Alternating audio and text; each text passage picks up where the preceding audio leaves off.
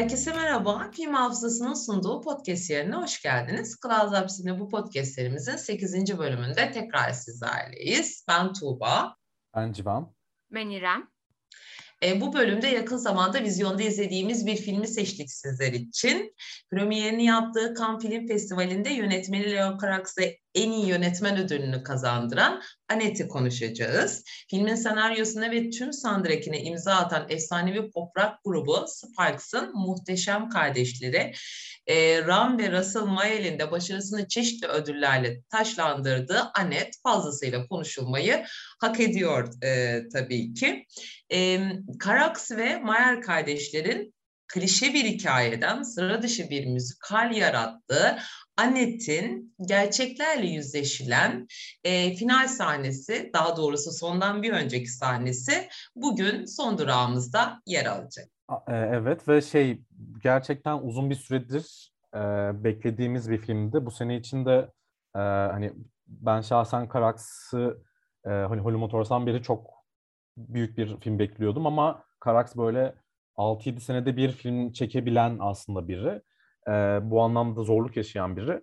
E, ve hani Karaks'ın filmografisi de aslında başlı başına e, bir şekilde avantgardın da avantgardı. İşte Fransız yeni yeni dalga denilen bir e- ekolün ve bir şekilde e, hani yapıyı bozanların yapısını bozan bir e, sinemacı ki çok çok önemli filmleri var. İşte dinleyicilerimiz de biliyordur mutlaka. Holy Motors olsun, e, Lovers on the Bridge olsun.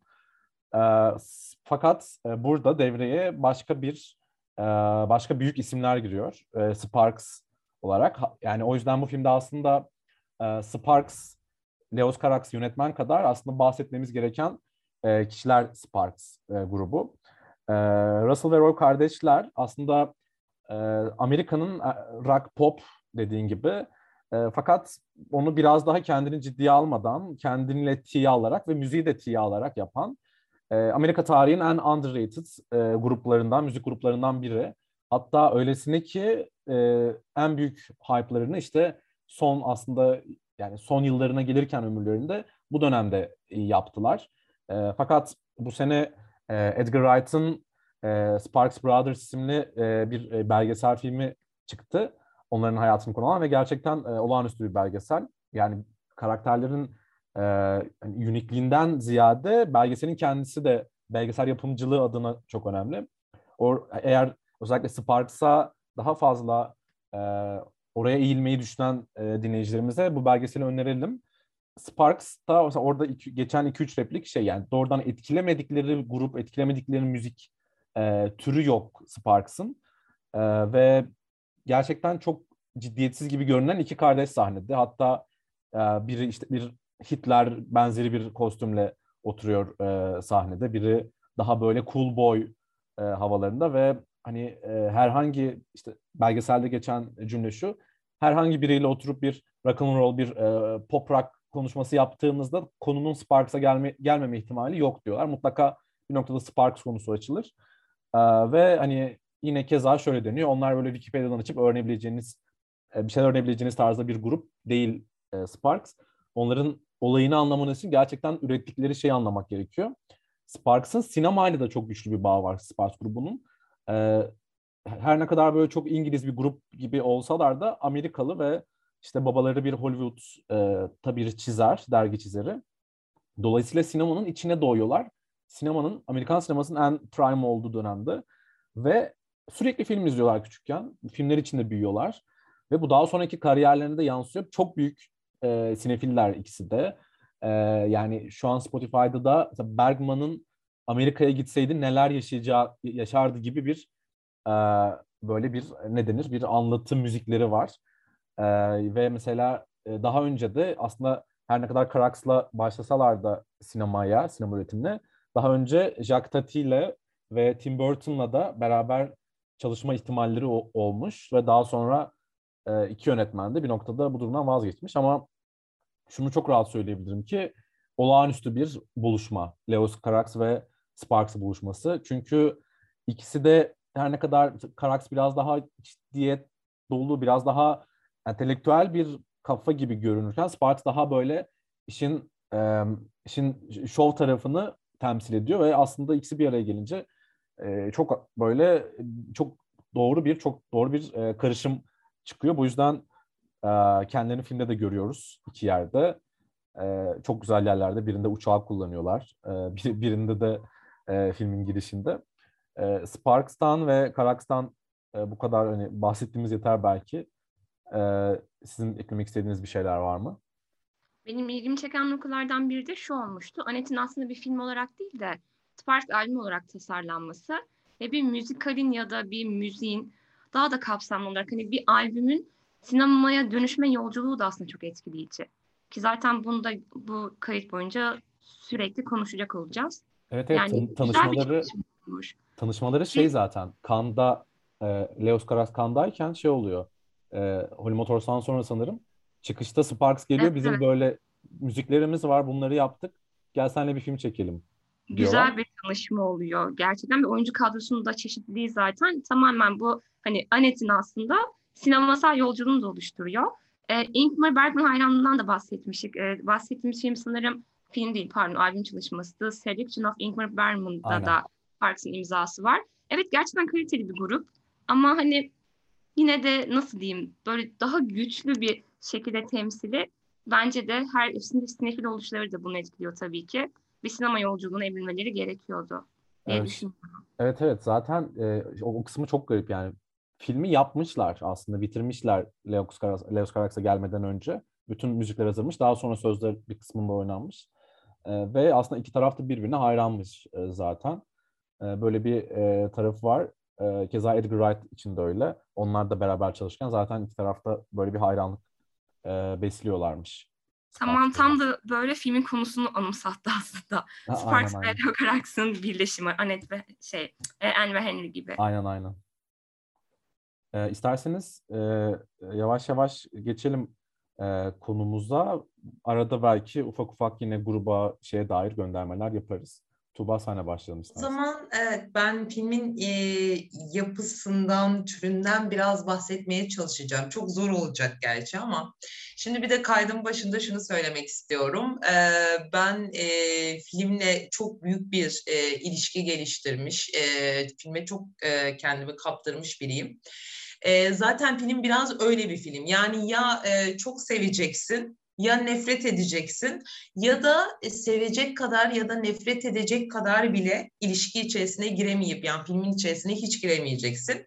Ben çok sevenlerdenim. O yüzden bugün e, yorumlarımda çok e, kişisel e, yorumlar da e, yapabilirim. Gerçi bugüne kadar konuştuğumuz bütün filmleri çok seviyordum ama bu daha sıcak olduğu için belki o yüzden olabilir. Şimdi Mayer kardeşlerin e, kaleme aldığı senaryo aslında sinemanın emekleme döneminden e, itibaren farklı yönetmenler, farklı oyuncular, farklı senaristler e, tarafından tekrar tekrar önümüze sunulan bir hikaye. Nedir bu hikaye? A Star is Born hikayesi aslında.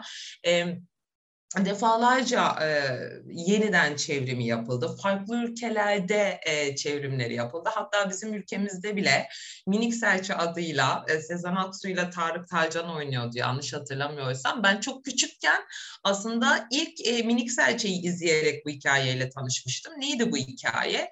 İşte iki kişi aşık olur. E, bu e, aşk ve ilişki sürecinde e, kadının kariyeri yükselişe geçerken erkeğin kariyeri düşüşe geçer. Bu zıtlık bir süre sonra ilişkide kopmalar yaşanmasına, problemlerin yaşanmasına e, yol açar ve genelde de erkeğin mahvuyla sonuçlanır. Artık bu zaten hiçbir şekilde sürpriz bir şey değil. E, çok iyi yani sinema ile çok fazla ilişki içerisinde olmayan, sinefil olmayan birinin bile çok iyi bildiği bir hikayedir. Bu ki yakın zamanda da yeniden çevrim e, yine bir A Star is Born izlediğimiz için çok iyi biliyoruz aslında. Ee, bir yan e, ama yani karşımızda kesinlikle yeniden bir e, A Star is Born yok. E, Anet öyle bir şey değil. Anet sadece e, A Star is Born'un o kemik yapısını e, kullanıyor. Yani onun bir nevi bana şey gibi geliyor. Omuriliğinden faydalanıyor. Ama bir yandan ondan faydalanırken bir yandan da karşısına geçip nanik yaparmış gibi bir hali de var. E, e, bir, bu yanı var. Bir de yakın zamanda izlediğimiz ve çok büyük bir popülerliğe sahip La La Land'i de yine bir müzikal olan La La Land'i de akla getiriyor. Ama ben kesinlikle Annet'le La La Land'i yan yana koymam. E, tabii ki Annet e, benim için çok çok daha iyi bir film. Zaten e, La La Land böyle popüler olduğunda işte Oscar'a yürüdüğü e, zamanlar böyle delicesine Moonlight holiganlığı yapmış. E, ödülü de Moonlight alınca inanılmaz sevinmiştim. E, bunu neden bu kadar anlatıyorum hani konumuz Annetken? Çünkü La La Land'le e, Annet'i e, bu noktada karşılaştıracağım. Şimdi La La Land'le neden bir ilişki içerisine girememiştim? Çünkü o çok iyi bildiğimiz hikayeyi e, hiç yeni bir şey sunmayarak, hiç şaşırtıcı bir şey sunmayarak adeta o naftalin kokan yapısını alıp sadece oyuncuları değiştirip işte gelişen teknolojinin nimetlerini kullanarak bize yepyeni bir şey sunuyormuş gibi davranmıştı La La Land. E, La La Land. Bana göre tabii ki.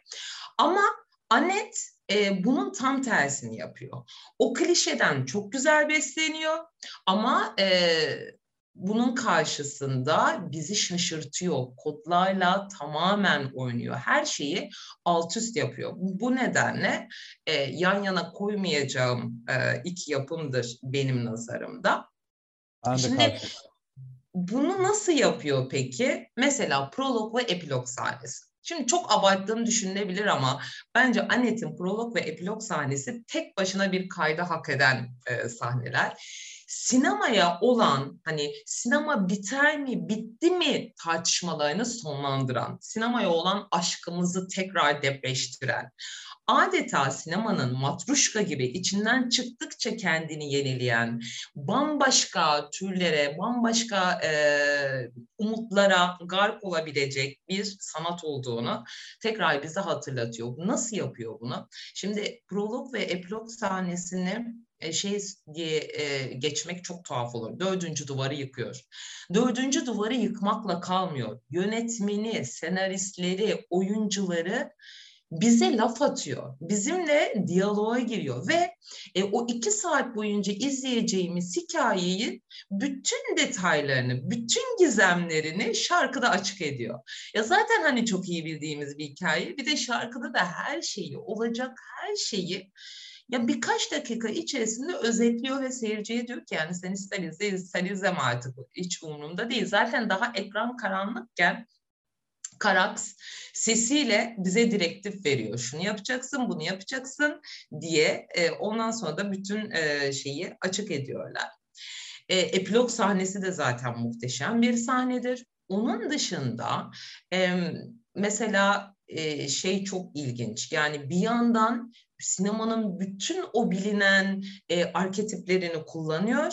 Bir yandan da işte sürrealizmin doruklarına çıkabiliyor. Absürtlükte sınır tanımayabiliyor. E, okyanus ya da deniz sahnesi yani inanılmaz e, güzel bir sürrealist sahne. Hatta o kadar masalsı bir sahne ki ya enin öldüğüne hiçbir şekilde inanamıyorsun. Her an bir yerden böyle en gelecekmiş gibi hissediyorsun ve geliyor zaten bir yerlerden en. E, ama e, absürtlük daha ön planda bence. Mesela e, Karax istese bir usta olduğu için e, çok e, fazla e, böyle detaylı metaforlar kullanabilir. Filmin alt metnini çok ince ince işleyebilirdi. E, bunu çok iyi yapabildiğini biliyoruz çünkü Holy Motors bunun en büyük örneği. E, ama Karax bence artık bunlardan çok sıkılmış ve artık oyun oynamak istiyor. Tam aksi kör göze metaforlar kullanıyor. Anet bunun en büyük kanıtı. Yani Anet'in kuklu olması e, o kadar apaçık yapılan bir e, metafordur ki ya da e, sahne geçişlerinin paparazzi haberleri olması.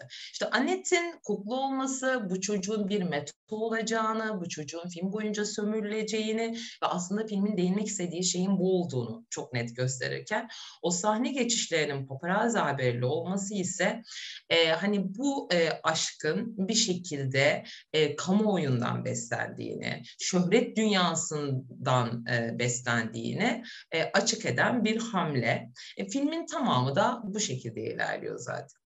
Ya zaten bir e, meta sinema örneğiyle karşı karşıyayız. Ben de aslında söylemedim girişte filme bayıldığımı ve yani beklentimin 2-3 katı kadar e, büyük zevk aldığımı söyleyeyim. E, şey prolog ve epilog sahnesi çok önemli dediğin gibi. Zaten film baştan sona seyirciyle seyirci yabancılaştırma üzerine, seyirci sinemadan uzaklaştırma üzerine ve bunun bir film olduğunu hatırlatma üzerine kurulu. Yani bunu bu kadar evet bunu yapan çok fazla yönetmen var. Mesela e, Haneke'nin Funny Games'i akla geliyor. Bu tarz örnekler akla geliyor.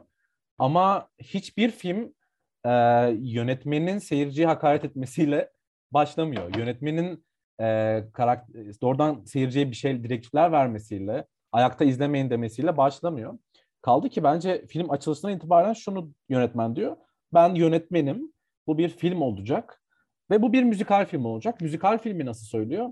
Şimdi e, film başladıktan hemen sonra böyle bir ekranda bir cızırtı görüyoruz. Böyle bir karanlık bir yere bakarken işte dışarıdan stüdyoya bakarken bir cızırtı görüyoruz. Bunun benzer örneklerini aslında Scorsese'nin e, e, İsa filminde görmüştük. Mesela orada filmin sonunda film yanardı. Çünkü bu gerçekten bir filmin olduğunu hatırlamamız için filmin sonunda İsa ölür e, ve film yanar. Çünkü bu bir filmdir ve film izlediniz derdi. Burada ise müzik çok önemli bir parçası olduğu için filmin doğrudan ses frekanslarını görüyoruz, ses dalgalarını görüyoruz sahnenin başında ve bunlarla oynuyor Karax. Bun, buna da kalmıyor. Ee, ilk, ilk birkaç dakika boyunca dikkat ederseniz sesle görüntü senkron bir şekilde ilerliyor. Ses yükseldiği anda ışık yükseliyor. Gitar gitara bir takım jack kabloları takıldığı zaman ışıklar değişiyor ve Karax bir e, stüdyo kabininde. Yani Karax aslında burada bir yönetmen e, şapkasından öte bir şeyle oturuyor. Bir orkestra şefi olarak aslında oturuyor. Ve söyleyenler de aslında Sparks grubu.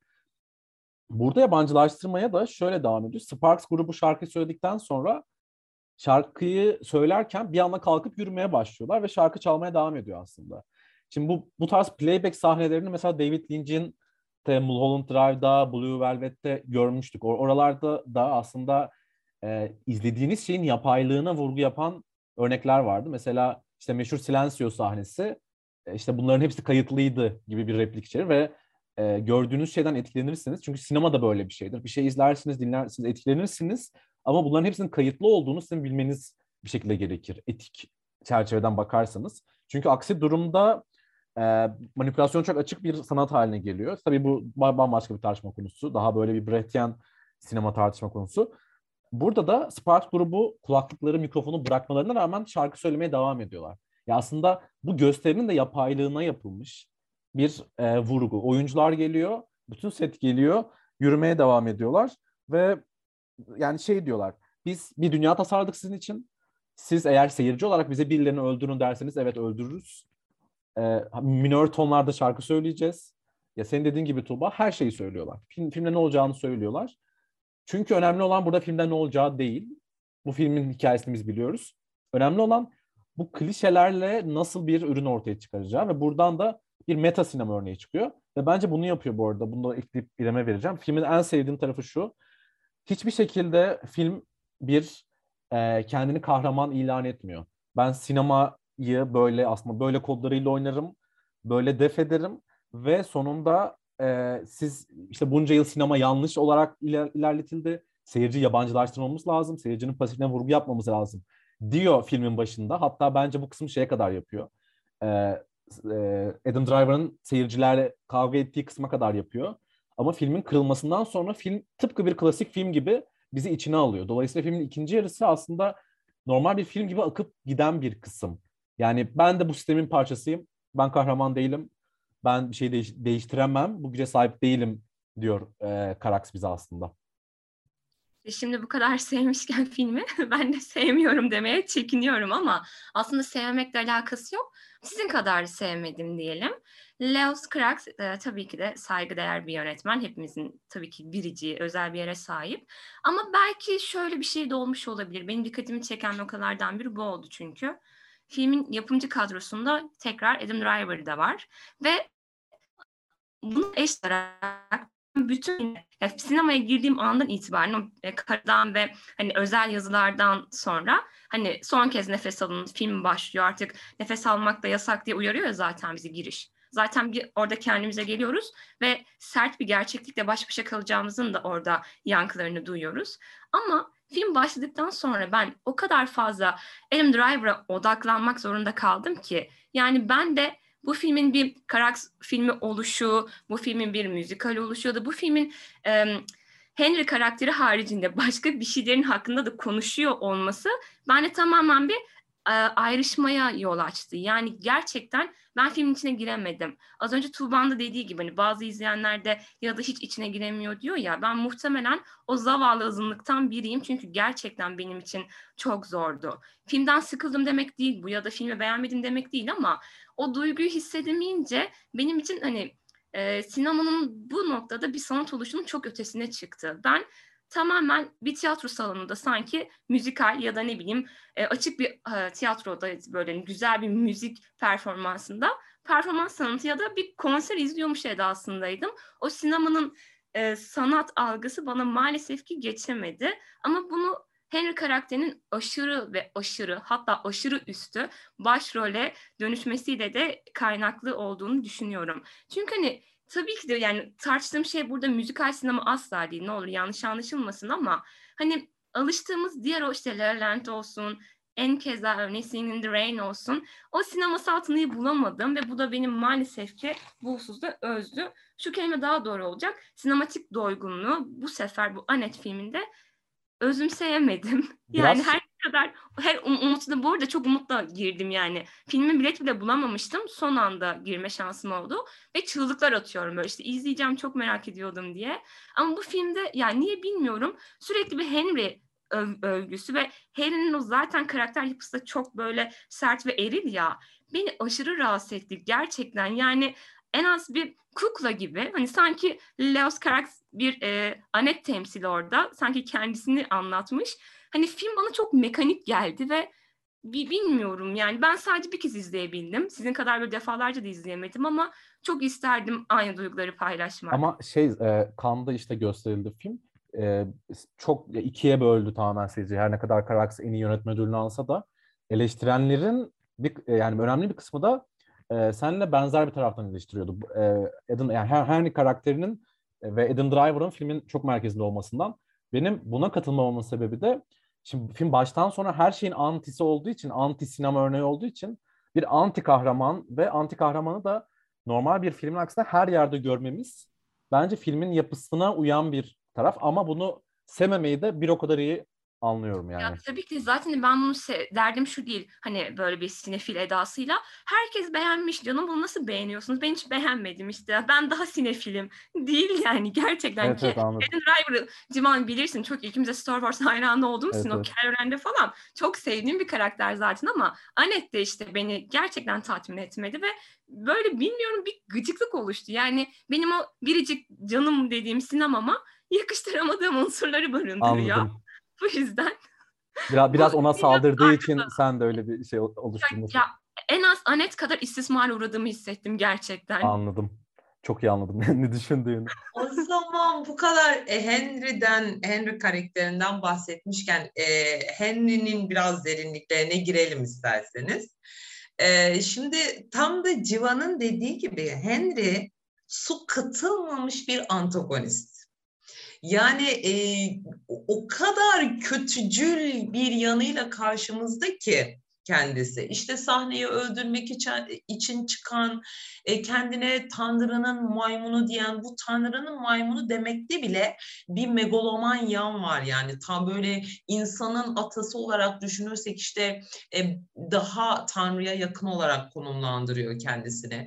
İşte muz yiyip, sigara içip, viski içen, e, sahneye çıkmadan önce boks maçına çıkacakmış gibi hazırlanan, sahnede ofansif mizah yapan ki ben hiç hoşlanmam ofansif mizahtan. İşte ırkçılık da yapan, cinsiyetçilik de yapan, hatta beden aşağı espriler yapıyor. Daha da ötesine gidiyor. Kaba etlerini bile kullanıyor sahnede. Bence zaten Henry karakteri yetenekleriyle var olan biri değil, bir dönem için yıldızı parlayan e, bir komedyen. Her neyse e, ama e, temsilleri şu şekilde ilerliyor. İnteraktif e, bir stand-up yapıyor aslında. Seyirciler soruyor işte neden e, hani e, komedyen oldun. E, işte silah kullanmadan insanları öldürmek için diyor. İşte tekrar soruyorlar neden komedyen oldun? Bir sürü bir sürü soru oluyor. Değişik cevaplar ama en önemlisi boşluk e, cevabı oluyor. E şimdi buradan zaten şey yapmaya başlayacağım. Şimdi bu az çok Nietzsche'yi bilenler burada Nietzsche'ye bir gönderme olduğunu zaten anlamıştır. Tabii ki Nietzsche'nin felsefesi şu an çok uzun uzun konuşulacak bir mevzu ama e, Nietzsche'nin tek bir sözüyle özetlemek isterim. Nietzsche der ki herkesin içerisinde bir boşluk vardır. E, sen o boşluğa ne kadar bakarsan boşluk da sana bakar. Yani çok klasiktir aslında bu. İşte herkesin içinde kötücül bir yan vardır ama sen onunla hemhal olmazsan e, iyi olarak kalabilirsin. Ama o içine bakarsan, derinliklerine inersen e, ne olur? E, o e, kötücül yan seni ele geçirebilir e, diyor Nietzsche. Şimdi e, burada aslında e, Henry'nin o e, şeyden e, boşluk e, e, kavramıyla başa çıkabilmek için, o boşluğa bakmamak için, o kötücül yanımla yüzleşmemek için komedi yapıyorum demesi aslında samimi değil. E, çünkü e, şöyle bir durum var ki e, hani e, bizim onu anlamamızı bekliyor olabilir. Hayır, e, anlamamamız gerekiyor.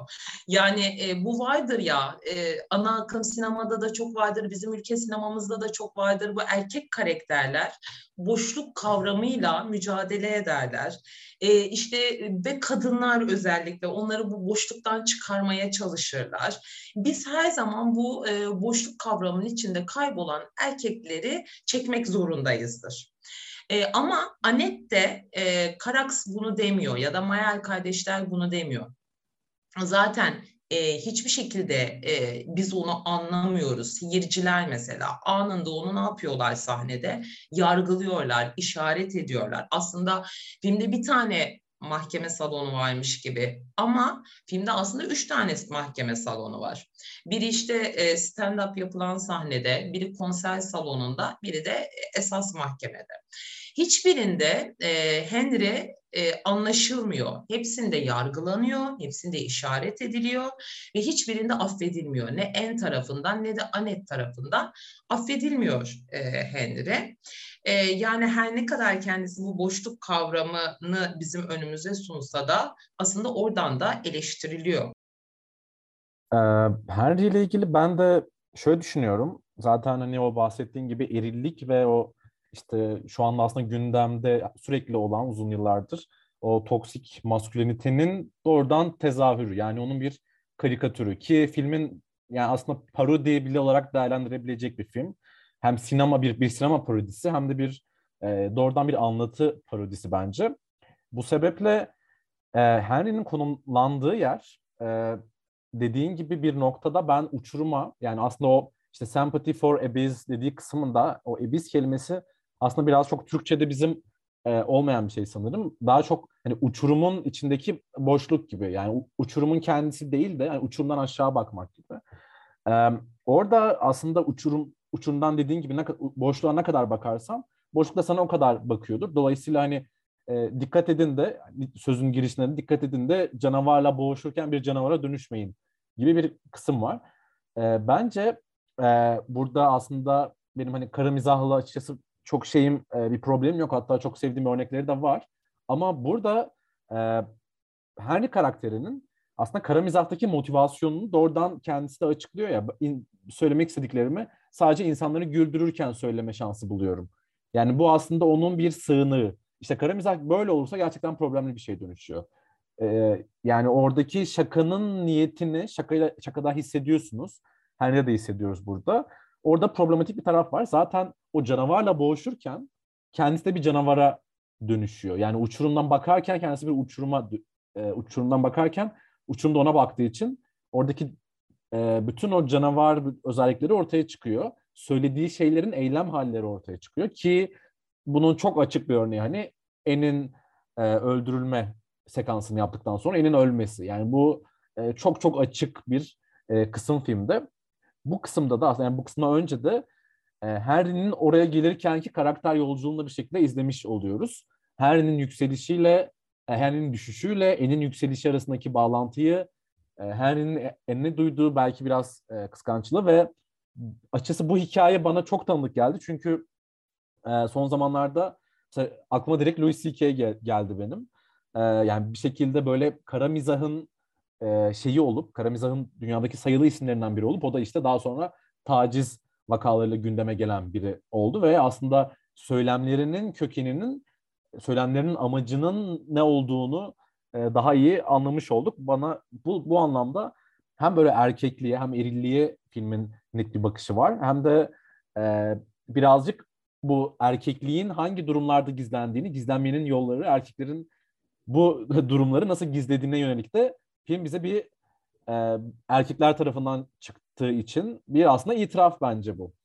Sonuçta üç tane beyaz erkeğin e, yaratıcısı olduğu bir film. E, bu anlamda ben bunu bir itiraf da olarak e, değerlendiriyorum.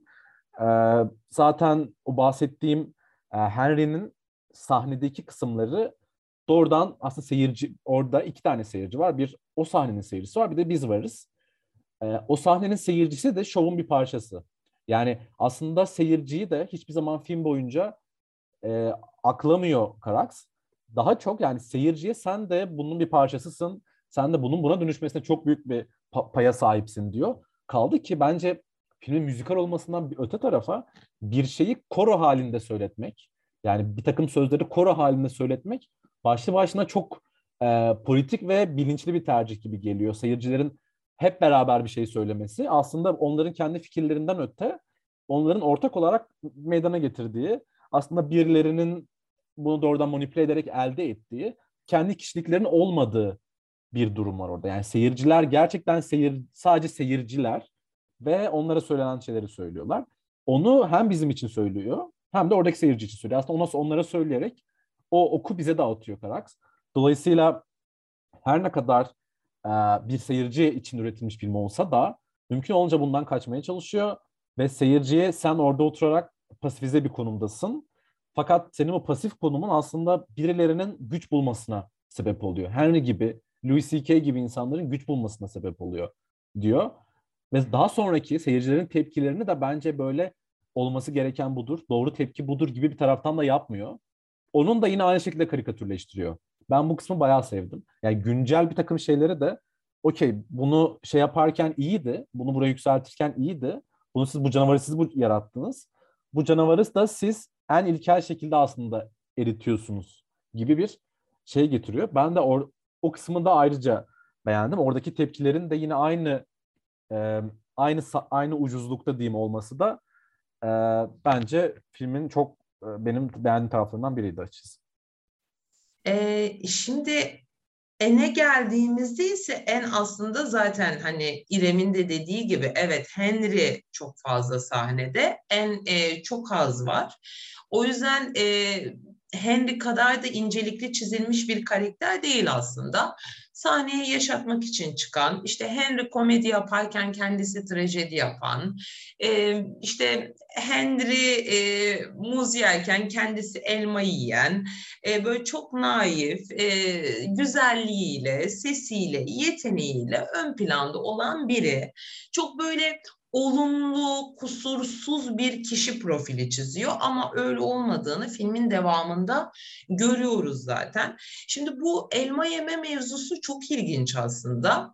Ee, sürekli sürekli elma yiyor. Elma nedir? Ee, sinemada e, günah işlemektir e, ve Havva göndermesi, Havva ile Adem göndermesidir.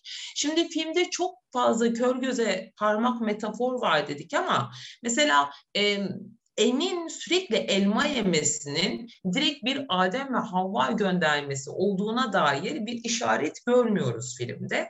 Ama o kadar çok elma yiyor ki En, e, illa ki bir okuma yapmamız gerekiyorsa e, bu okumayı yapmak istiyorum. Bunu da e, Annette'in Henry ile en ilişkisinde turnusol kağıdı görevi görmesi üzerinden açıklamak istiyorum. Şimdi normalde kusursuz bir aşk var. E, bu kusursuz aşk e, yani sanırım Anet doğduktan sonra çatırdamaya başlıyor. Şimdi normalde ikisi de kamusal alanda olan, ikisi de popüler olan, ikisi de göz önünde olan kişiler. Ama Anet'in doğumundan sonra e, Henry'nin kariyeri düşüşe geçerken Eninki yükseliyor. Şimdi e, Hristiyanlıkta ya da patriarkal düzende e, kamusal alan kadın için tehlikeli bir yerdir ve kadının daha çok domestik alanda güvenli alan olan evde kalması salık verilir. E, erkeğin de kamusal alanda olması gerekir. Şimdi burada e, bu e, Henry'nin kariyeri düşüşe geçtiğinde Henry daha çok domestik alanda kalmaya başlıyor. Anne sürekli kamusal alanda bulunuyor. Çünkü artık Henry çalışmıyor. Henry'nin temsilleri iptal ediliyor. En daha fazla çalışıyor. Daha fazla kamusal alanda kalıyor. Henry de Annet'e bakmak için daha çok e, domestik alanda kalıyor.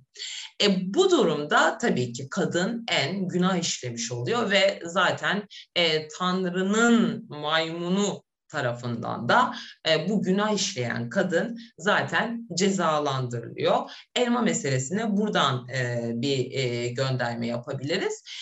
Şu çok önemli. Anet'e ayrı bir başlık altında konuşacağız e, zaten girmeyeceğim ama şu çok önemli. Henry ile e, Anne'in gerçek yüzünü ortaya çıkaran, Henry ile Anne'in ilişkisinin çatırdamasına sebep olan kişi Annette'dir. Bu yüzden ilişkideki e, turnusol kağıdı, herkesin gerçek yüzünü, gerçek rengini ortaya çıkaran karakter Annette oluyor. Ee, aslında bir de şey yani en karakterini film baştan itibaren çok güçlü bir karakter olarak yaratıyor. En her ne kadar minütaj olarak e, yani filmde yer alma süresi olarak bir e, Henry olmasa da e, özellikle opera sahnelerinde mesela e, hatırlarsınız bir e, doğrudan e, işte filminde o e, ana müziklerinden biri olan sahnede sahneden çıkıp e, dışarıya bir ormana açılıyor, orada geziyor ve oralarda söylediği şey bir şeyler olacak hissediyorum aslında diyor. Yani bir şeyler olucu olmaya başlıyor. Korkuyorum diyor ve orada Korkuyorum, paralel evet. kurguyla e, biz ekranda Henry'yi Henry'yi görüyoruz. Henry'yi de boks yaparken e, görüyoruz. Ya zaten Henry'nin hani insanları öldürmek için çıktığı, Enin de aslında birazcık insanlar için ölen bir tarafta e, olduğu gibi bir durum var. Zaten bu ilk diyaloglarında da ortaya çıkıyor yani. E, Henry ben onları öldürdüm diyor. Şeyde good boy diyor. E, and the good boy diyor. Yani böyle bir e, aslında tezat var. Bu iki tezatın bir araya gelme durumu var. E, fakat tabii en bir noktada e, ölüyor ve En'in aslında öldüğü ana kadar sürekli En'in ağzından ölümü duyuyoruz. Yani ölmek üzerine operalar yapıyor, ölmek üzerine şarkılar söylüyor. Hatta yani bir yerde o kadar net oluyor ki sadece ölmek içinde sadece ölmek geçen bir opera söylüyor. E, film yani bu flash forward'da değil artık ne olacağını söylüyor zaten başından beri söylemişti bunu. E, böyle bir tezat varken de e, Annette'in dünyaya gelmesi de daha sonra, en sonunda konuşacağız. Annette'in annesine bakışını da konuşacağız muhtemelen. E, gelmesi de e, burada o çatırdamanın ana sebebi oluyor dediğim gibi. O ayrılma ana sebebi oluyor. Hatta direkt ikisinin posterinin yan yana geldiği e, Henry'nin porselinin cancelled olduğu e, Aksine e, En'in posterinde sold out olduğu bir kare var doğrudan. E, bu bence zaten çok şeyi açı, açıklıyor. E, her ne kadar bir de şöyle bir durum var. Dışarıya gösterdiği yüzüyle aslında bizim gördüğümüz kadarıyla en azından En'e gösterdiği yüzü biraz farklı olan biri Henry. Bu zaten bence günlük hayatta erkeklerde de olan bir şey. Yani e, böyle bir e, tavır e, takınıyorlar. Her ne kadar başka bir içlerine bir şey besleselerdi. Fakat bu bastırdığın şeyin ortaya çıkmama gibi bir ihtimali de yok bir taraftan. E, ve o da keza burada da ortaya çıkıyor. Bu birazcık tam olarak Phantom Thread'de de vardı hatırlarsanız. Phantom Thread'de de ilişkinin ilk zamanlarını ve son, sona vardığı e, kısmı hatırlayacak olursak. E, bu anlamda En'in dediğim gibi birçok anlamda çok güçlü bir karakter.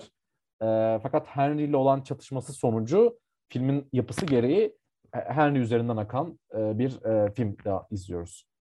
Ya kesinlikle Phantom Thread benzetmesi çok güzel oldu. Ben de bazı noktalarını benzetiyorum. Bir sahne vardı. Henry diyor ki yine mi ölüyorsun? Yani yine mi öldün? Çünkü biri öldürmek için yaşarken diğeri de resmen ölmek için yaşıyor ve o kadar naif ölüyor ki. Yani e, Hristiyan inancında biliyorsunuz ki İsa e, müritlerinin kendi inanan, e, o iman eden insanların günahları için ölüyor bir nevi onun temsili var. Yani melek zaten kıyafetleri de hep beyazlar içinde, ay ışığında. Yani sanki böyle cennette gezermiş gibi. Hani ulaşılmaz böyle çok güzel bir yere ruhu gitmiş gibi resmediliyor en sürekli. Ve ne hikmetse sürekli de ölüyor zaten. Yani diğer insanlara hiçbir kötülük gelmesin, her şeyi ben gösteririm. Hani kimsenin canı yanmasın, onlar ölmesin, ben ölürüm dercesine gerçekten böyle tam anlamıyla şifacı bir misyon yükleniyor. Bana kalırsa enin en belirgin özelliklerinden biri de tamamen arzu nesnesi olması. Çünkü filmdeki birçok erkek yani birçok demeyeyim de iki erkek de bir şekilde Anne bir küratör görevi görüyorlar. İkisi de Anne'i arzuluyor. Biri kavuşuyor, biri kavuşup tekrar kaybediyor vesaire. Şimdi ona girmeyeceğim. Daha sonra anlatırız o orkestra şefi karakterimize. Ve Anne gerçekten söylüyorum ama şifacı güveniyor. Yazık ki zaten hani hem güncel hayatta hem de sinematik evrende kadın her zaman bir şeyleri iyileştiren, bir şeyler için mücadele eden ve hani yoktanı var eden deyimiyle bir şeylere iyilik veren bireyler olarak simgeleniyor. Ben bunu izlerken aslında biraz yoruluyorum. Çünkü yani kadınlara iyileştirici misyon yüklemek ne kadar doğru? Yani bunu gerçekten bazen karşılaştığımda sıkılmaya başladım. Çünkü hani hep birilerinin böyle bakıcısı, dadısı, ebeveyniymiş gibi. Özellikle bu... Burada biraz şey durum var ama e, bence filme dair. E, yani buradaki en karakteri evet bir arzu nesnesi. Çünkü bu türün yani doğrudan bir türü alıp onun kodlarını uyguladığı için e, bu kadın orada onu temsil ediyor zaten. E, mesela David Lynch filmlerindeki Femme gibi düşünebiliriz bunu. Yani es, eski bir türü alıp e, Tuba'nın bahsettiği Star is Born gibi bir e, her şekilde gördüğümüz e, bir janrı alıp o türün yerine konumlandırıyor. Ama bence bunu yaparken onların klişeliğinde değil de sadece o etiketi alıyor ona evet bu etikete göre en budur diyor. Ee, ama aynı zamanda hem Havva'dan dolayı aslında hani Havva Adem ilişkisi üzerinden değil de belki daha çok günahkar üzerine. Çünkü Havva da hani arzu nesnesi olarak e, tanımlanan hatta Elman'ın aslında bir şekilde seks olduğu ya da bir e, aşk olduğu yani e, konuşuluyor zaten. E, bu, bu tarz bir taraftan ene de bence bu gözle bakabiliriz dediğin gibi. E, en toplum tarafından da çok sevilen, çok beğenilen bir sanatçı. Çünkü opera sanatçısı ve geldiği konum da çok yüksek. Yani kolay bir şey değil değil yani elinin o topladığı ve e, bu yere gelmesi. Yani herkes tarafından seviliyor ve güven unsuru da. Yani bu bütün magazinsel dönemde de herkes zaten enin bir nevi destekçisi. Çünkü çok beğeniliyor ve hani çok başarılı bir kadın. Bir sanatçı çünkü o.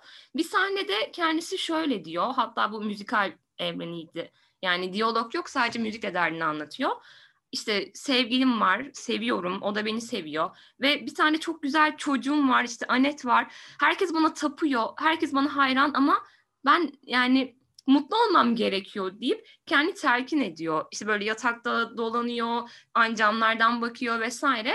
Hem oradaki renk kullanımı çok güzel, hem renkler e, ve kadrajlar çok güzel o sahnede. Müzik de çok duygusal, insanı çok içine çekiyor bölümde ama yine de sanki bu başarılı karakterin bir derdi var ve kendini telkin ediyormuş gibi de hissettiriyor. Yani en evet güçlü, gerçekten çok güçlü bir karakter ama Henry olan ilişkisinde sanki biraz da tek başına kalmış ya da soyutlanmış ve yalnızlık çekiyor gibi hissettirdi bana mesela. Bunu da söylemeden geçemeyeceğim ki çok güçlü ve başarılı özellikle bu kadar sevilen, popüler biri olmuşken yalnızlık çekmesi belki de bu dünya starlarının iflah olmaz bir kaderidir. Bir şey diyemiyorum. E, buradan Anet'e geçelim mi? Tam e, İrem'in e, bu e, hani şöhret dünyasını da göstermesinden dolayı direkt Anet'e geçebiliriz bence. Şimdi iki yıldızın e, aşkı, bir, biri çok başarılı, çok yetenekli, e, dünyaca ünlü bir soprano, diğeri de büyük bir popülerliğe sahip bir stand-upçı, bir komedyen. Bu iki yıldızın bir e, aşkının meyvesi doğuyor. Şimdi ana akım sinemada genelde böyle iki yıldızın çok güzel hem fiziki anlamda hem başarısı anlamda muhteşem olan insanın e, çocuğu olduğunda e, böyle melek gibi, nur topu gibi bir bebek doğar. Hatta sinemada genelde yeni doğan bebek koyulmaz da birkaç aylık bir bebek koyulur böyle. Hani ay ışığı gibidir resmen. Ee, burada bizim karşımıza ise e, çirkin, kepçe kulaklı, tabiri caizse ucube gibi bir e, kukla e, doğuyor. Zaten e, filmin yaptığı en büyük hamle de bu oluyor. Biz Anet'i tanıdıktan sonra, Anet yaşanmışlıklarından sonra e, hani e, insan suretine bürünüyor, ete kemiğe bürünüyor. Şimdi burada çok ilginç. E, Anet doğduğunda hani e, aslında e, onlar olağanüstü bir şey doğmuş gibi karşılıyorlar. Hatta şöyle bir cümle geçiyor. E, dünya olağanının dışında olağanüstü bir bebek diyorlar. Acaba burada şeyi de düşünmeden edemiyorum. Acaba e, bebeğin çirkinliğinin farkındalar da e, hani bu dünyada anlaşılabilecek bir güzellik değil, uzaysal, uhrevi bir güzellik e, var karşımızda mı demek istiyorlar bilmiyorum. Çünkü gerçekten zamanla e, değişik değişik kuklalar yapılmış zaten e, Annet için. E, epilog sahnesinde görüyoruz bunların e, ekipteki herkes kucağında taşıyor. İlk hali en çirkin hali. Sonra yavaş yavaş yavaş yavaş e, biraz daha güzelleşmeye başlıyor. Bu arada Anet'le ilgili şunu da söyleyeyim. E, bütün film boyunca bir kukla değil de gerçekten o bizim bugün konuşacağımız sahnedeki oyuncu oynasaydı film benim kadar etkilemeyebilirdi. E, ben e, o kukla halinden çok etkilendim. Gerçi CGI teknolojisiyle o e, finaldeki e, oyuncunun e, bakışları yediriliyor ama o kukla hali e, gerçekten beni çok etkiledi. Özellikle e, Henry e, işte Eni öldürdükten sonra ya da Henry En'in eşlikçisini öldürdükten sonra o Annette'in yüzündeki ifade tabiri caizse benim her defasında ciğerimi deldik değişti. E, bu sizde de aynı etkiyi bıraktı mı ya da ta, dinleyicilerimizde de aynı etkiyi bıraktı mı çok merak ediyorum. Şimdi şöyle bir şey aslında. E, bu zaten biz filmi izlemeye başladığımızda Anne Henry'nin ilişkisi başlamış. Bunlar bir aşık olmuşlar tamam. E, ilk başta nasıl aşık olmuşlardır? Saf duygularla aşık olmuşlardır bilmiyorum. Ama biz filmi izledikten sonra yapılan olan her şey aslında kurgu. Yani şöyle kurgu.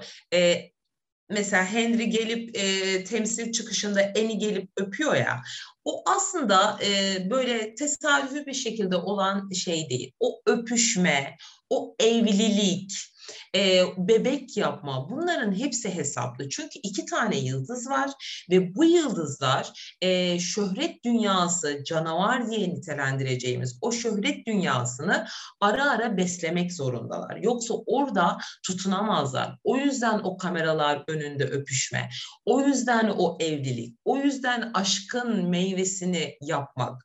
E, yani bunu ister o canavarı beslemek olarak yorumlayabiliriz, ister e, ruhunu şeytana satan adam e, mitinden e, anlatabiliriz bunu. E, hatta ben şeye bile benzettim. Ee, yani ruhunu şeytana satan adam e, mitinden e, bahsedeceksek yani bu şöhret dünyasını bir canavar değil de şeytan olarak düşünebiliriz. Anet'i de o şeytana verilmiş bir kurban olarak düşünebiliriz. O şöhret dünyasına verilen bir kurban aslında. E, mitolojik bir okuma da yapabiliriz yine. E, çünkü özellikle tanrılar kendi aralarındaki meseleleri halletmek için çocukları çok kullanırlar. Zeus'la Hera ne zaman birbirlerine sinirlenseler, e, ne zaman birbirlerine e, öfkelenseler çocukları kullanmışlardır. Burada da Anet'in durumu aslında böyle yani en bir tanrıça gibi, Henry bir tanrı gibi ve e, Anet'i her defasında kullanıyorlar. Yani e, filmde onun kuklu olarak doğması, onun asla bir birey olarak gözükmediğini, görünmediğini, bir meta olduğunu, e, sürekli sömürüleceğini e, görüyoruz. Şimdi diyeceksiniz ki tamam Henry onu sahneye çıkararak sömürdü. Peki en? En zaten en büyük kötülüğü en başta en yapıyor. Çünkü sırf Henry'den intikam almak için kızının bedenini kullanıyor. Sesini e, ona e, bahşetmiyor aslında. Sesini e, onun vücuduna, onun bedenine veriyor en. Çünkü e, Annette'in bedenini Henry'e bir silah olarak kullanmak için veriyor. Yani aslında ilk baştaki en büyük kötülüğü en yapıyor.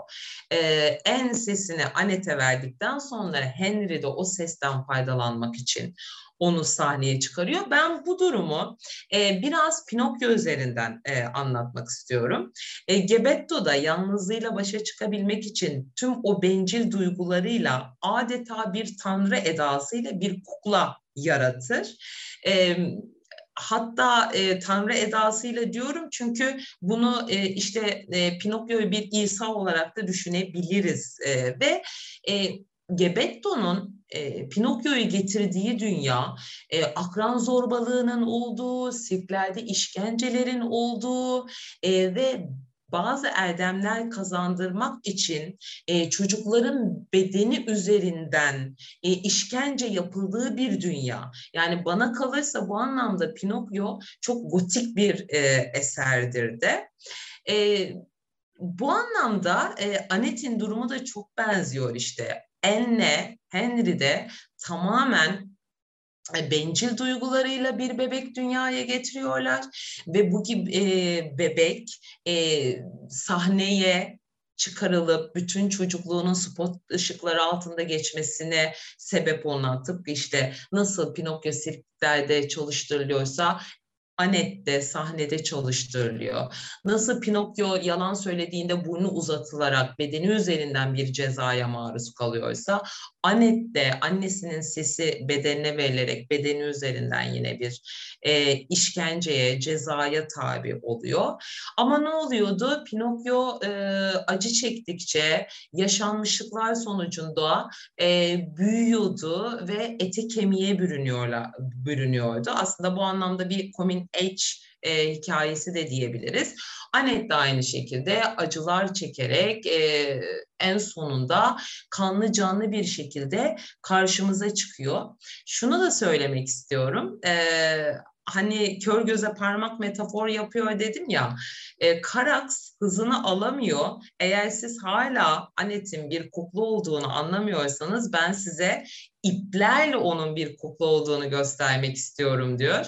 Anet sahneye çıktığında güya sahne şovunun bir parçası olarak iplere bağlı dronlarla havaya kaldırılıyor. Aslında burada da e, kukla e, ve o iplerle oynatılıyor. O iplerden birini En tutuyor, birini Henry tutuyor, birini o şöhret dünyası tutuyor diyor. Ama en sonunda Anet e, tüm bu iplerle bağını kopararak özgürleşiyor. Önce ne yapıyor? Ee, annesinin sesine, şimdi normalde gece olduğunda ve ışık olduğunda Anet eli mahkum annesinin sesini çıkarıyor.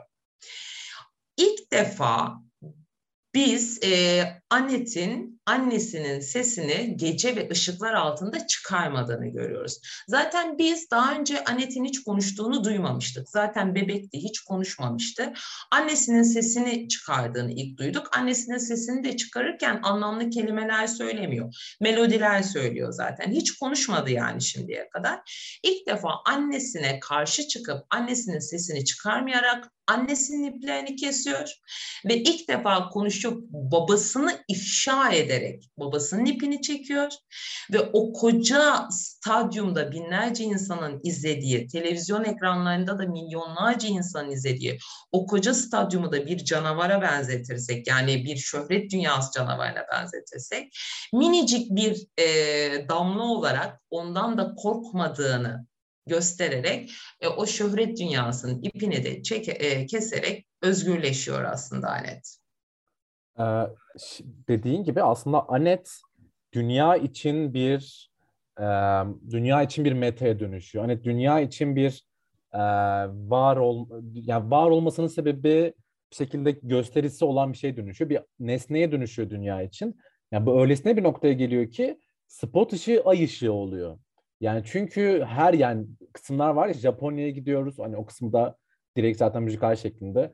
Ee, İtalya'da hani her yerde anet anet.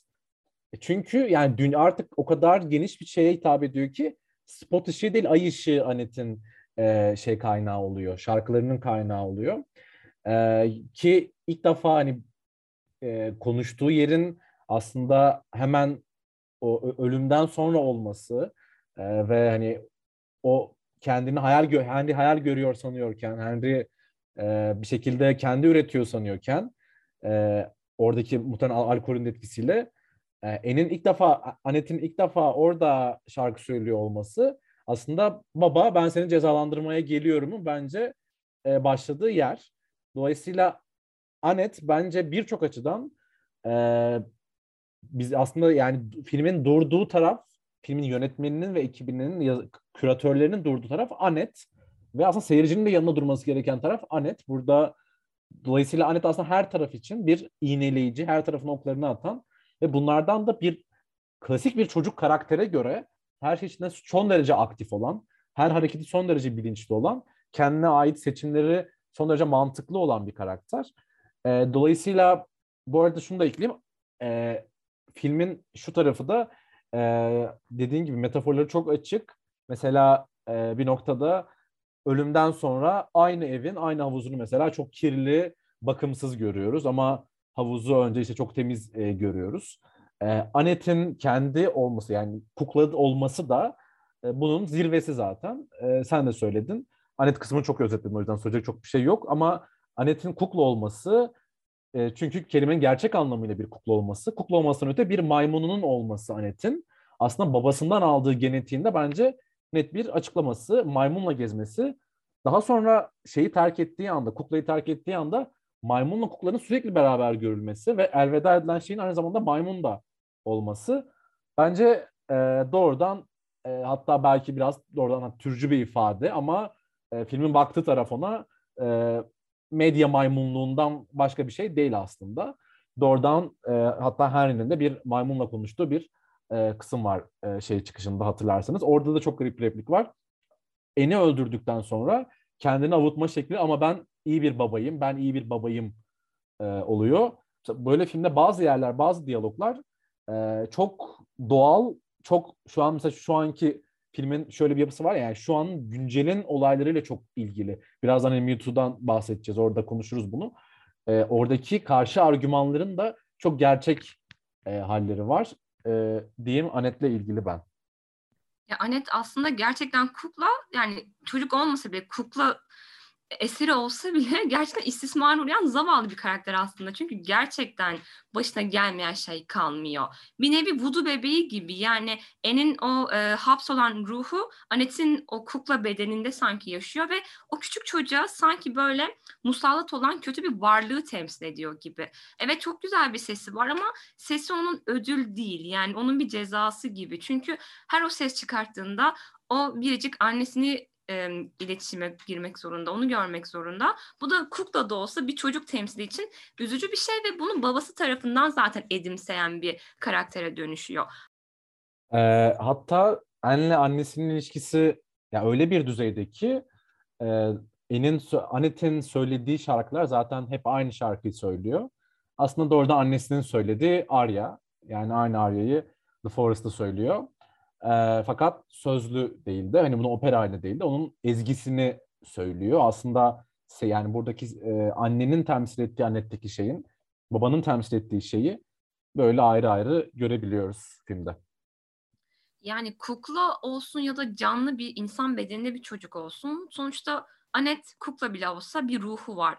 Bizim esas almamız gereken konu da bu. Çünkü bu çocuğun hisleri var. E, annesini özlüyor, babasını özleyebilir. Sevgi görmek zorunda olan bir şey. Keza evcil hayvanlarımız ya da dışarıdaki hayvanlara da değinecek olursak herkesin yani bütün canlılar bir ruh taşıdığı için onların da ilgiye ve e, sevgi ihtiyaçları var. Keza Anet tamam diyelim ki sadece kukla hatta ruhu bile olmasın sadece bu iki ebeveynin ortak bir malı olarak ele alalım Anet'i.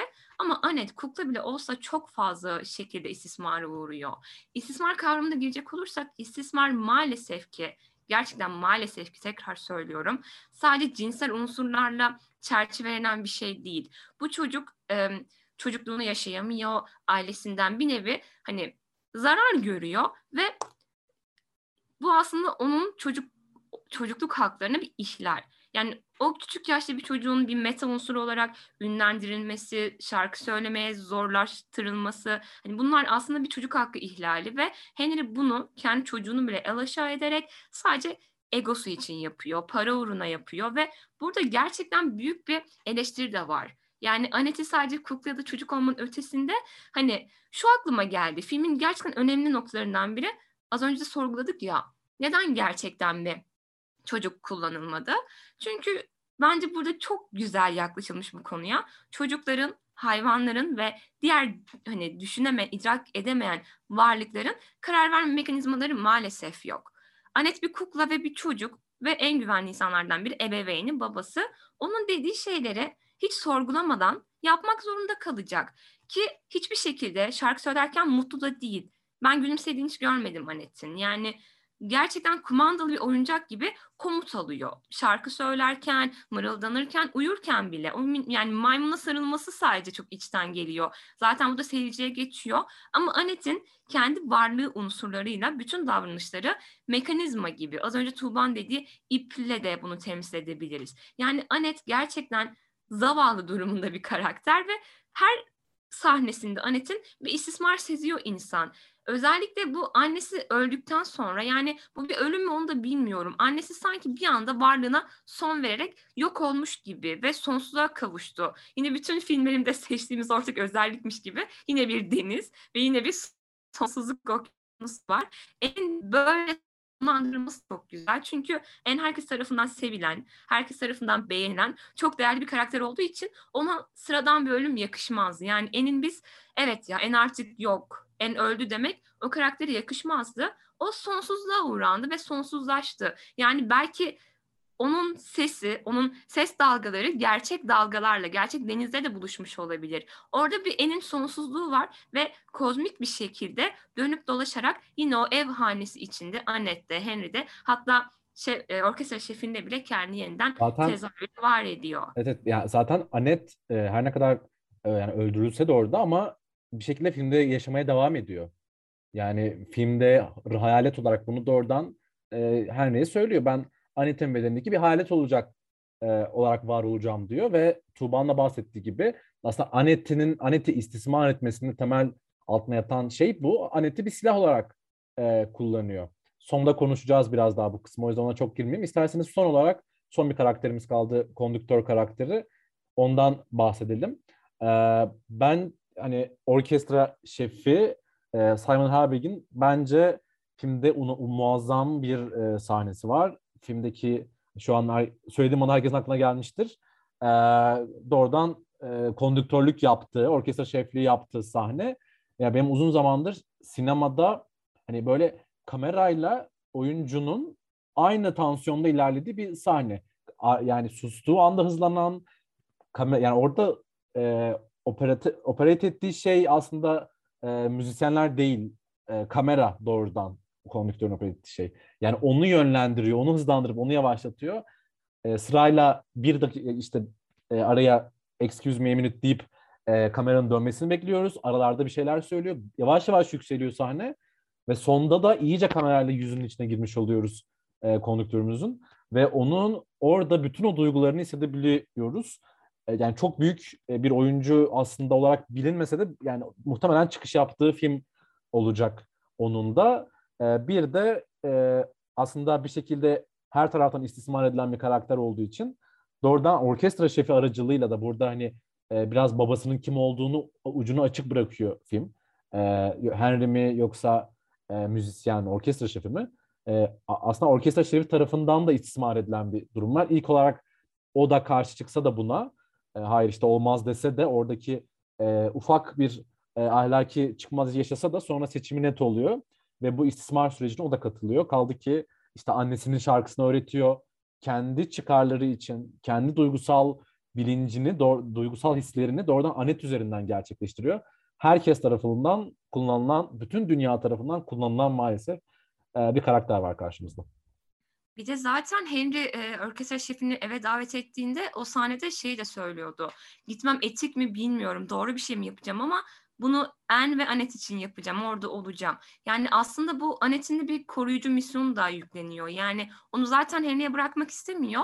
Niyeyse Henry'e bir kıskançlık değil bu ama güvensizliği var ve Anet'i o kadar benimsemiş ki. Hani biyolojik babası olmasa bile Anet onun ço- çocuğu gibi. Çünkü ruhları, onların naifliği birbirlerini tamamlıyor. Yani Anet'i asla e, Henry'e bırakmak istemiyor. Bu da bence Anne'e olan saygısından kaynaklanıyor.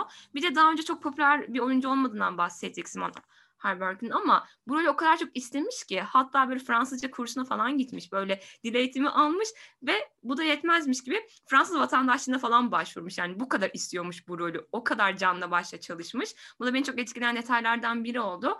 Bir de e, tabii ki unutamadığım sahne orkestrayı yönettiği.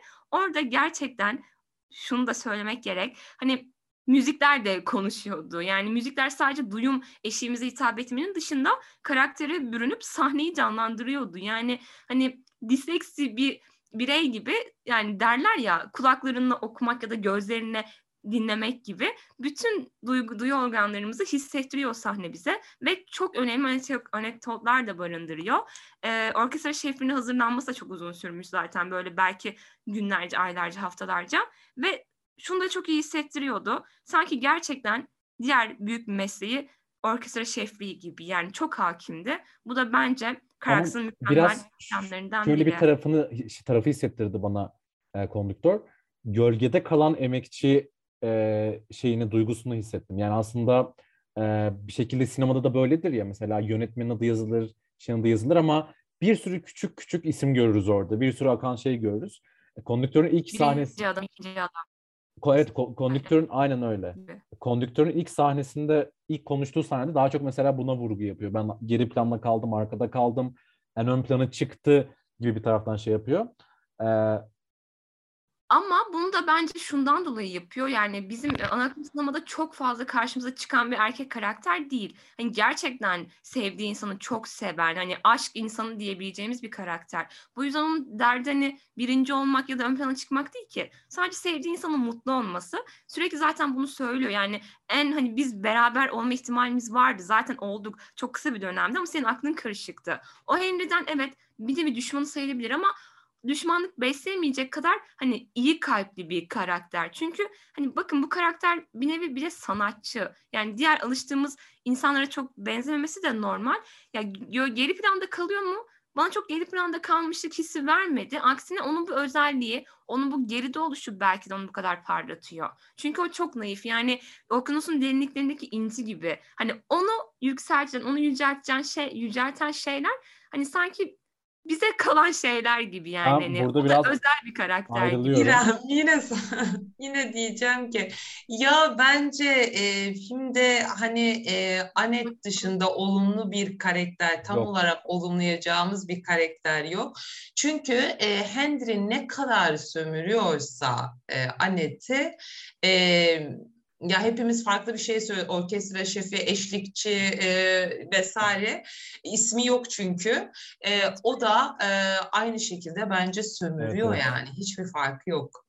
Ya ama sanki bu onun bir savunma mekanizmasıymış gibi. Yani onun bütün sömürüsü ama etik bulmuyor zaten. Belki mecbur kalmıştır. Çünkü insan hayatında şey birçok olur ya şey İrem, Hani Biraz onun bir bahanesi yandan gibi bu bir sömürü Ya. gibi diyor, bir yandan da hemen kabul ediyor. Yani Ama o da bana işte sanki Anet'i korumak ve En'in o mirasına göz kulak olabilmek için mecburmuş. Biraz ama Çünkü- o kendi bahanesi olarak Ya, kullanıyor bence. de. tabii ki de ya bilemem çünkü onun ayrı karakteri ama zaten söylüyor. Hani etik bulmuyorum. Zaten Henry beni çağırdı gitmek istemiyorum ama Anet onda. Onu korumam lazım. Ona göz kulak olmam lazım. Eni tekrar yaşatmam lazım. İşte Hani biraz ben bunu hissettim. bunlar hep bana savunma evet mekanizmasıymış evet bana gibi yani geliyor. bir şey Ya olabilir tabii ki de. Bilmiyorum ben çok rahatsız olmadım. Aksine gerçekten o kadar başarılı bulup o kadar çok sevdim ki böyle ya yaşasın çok güzel bir karakterle tanıştım diye mutlu mutlu ayrıldım. Ya- Ama tabii ki de ucu açık her şey olabilir.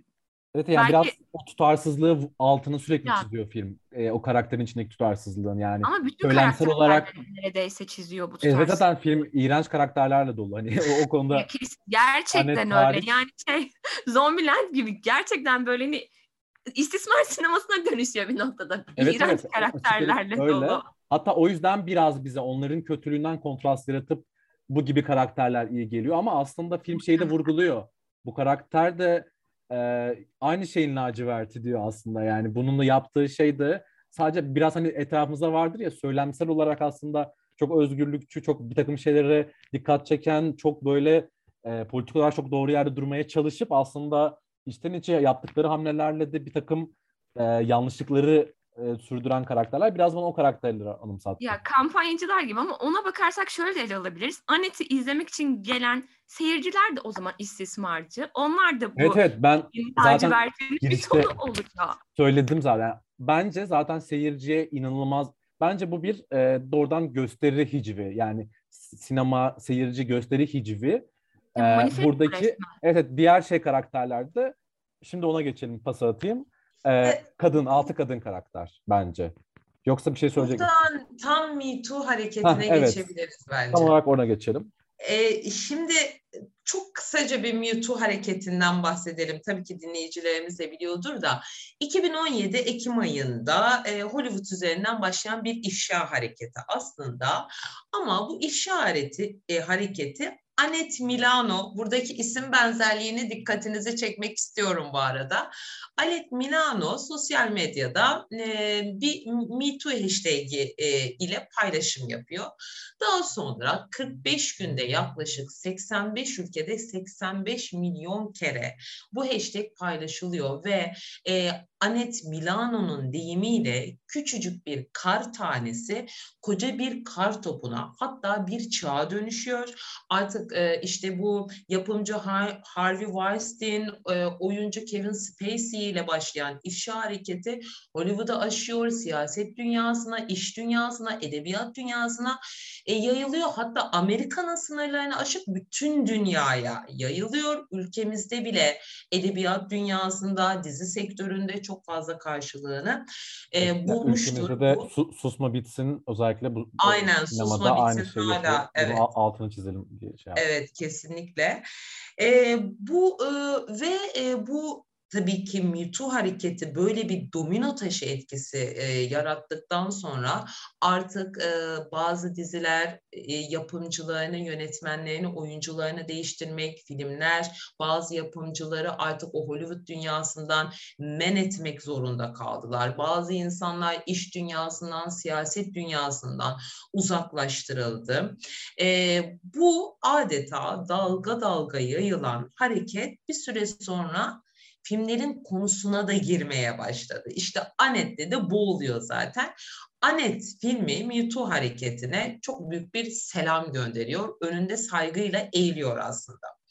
Bunu nasıl yapıyor? Şimdi aracının içerisinde giden en e, önce bu arada aracı kullanan da Karax. E, çok tatlı bu e, şeyler.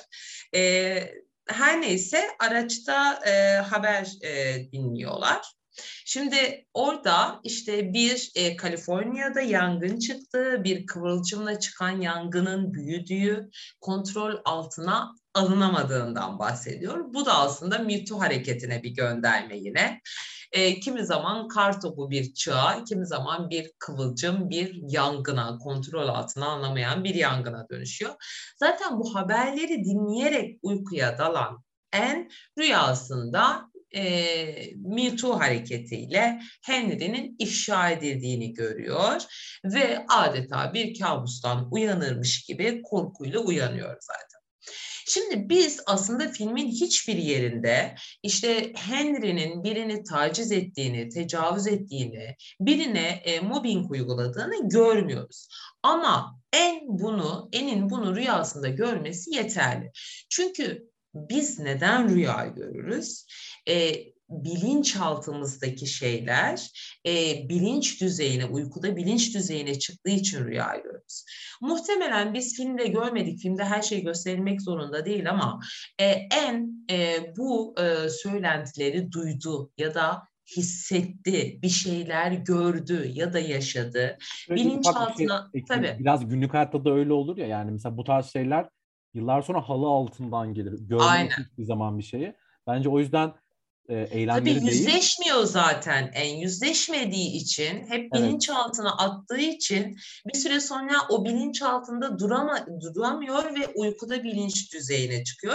Ki bu işte yangın haberi belki onda bir tetikleyici görevi e, görmüştür e, bu noktada. Orada da şey var, e, bir de hani altı kadın da oradan o e, şarkı kısmı, işte altı kadın bir şeyler söylüyor sırayla ve en için endişelendiklerini söylüyorlar. Orada sanki böyle bir bu yedi kadın arasında bir bağ oluşuyor gibi bir durum var aslında. Yani o uykuda olması sanki böyle ortak bir e, bilinçle bir şeyler yapıyorlar gibi bir durum var. Evet, o uyku durumunun şöyle bir şeyi de var aslında. Orada Karaks hani uyursanız, gözünüzü kapatırsanız sonunuz ebedi uyku da olabilir göndermesi de yapıyor. Çünkü Enlink'in maalesef öyle oluyor. O rüyayı gördükten sonra bile bir cesaretle tatile çıkabiliyor mesela Henry ile.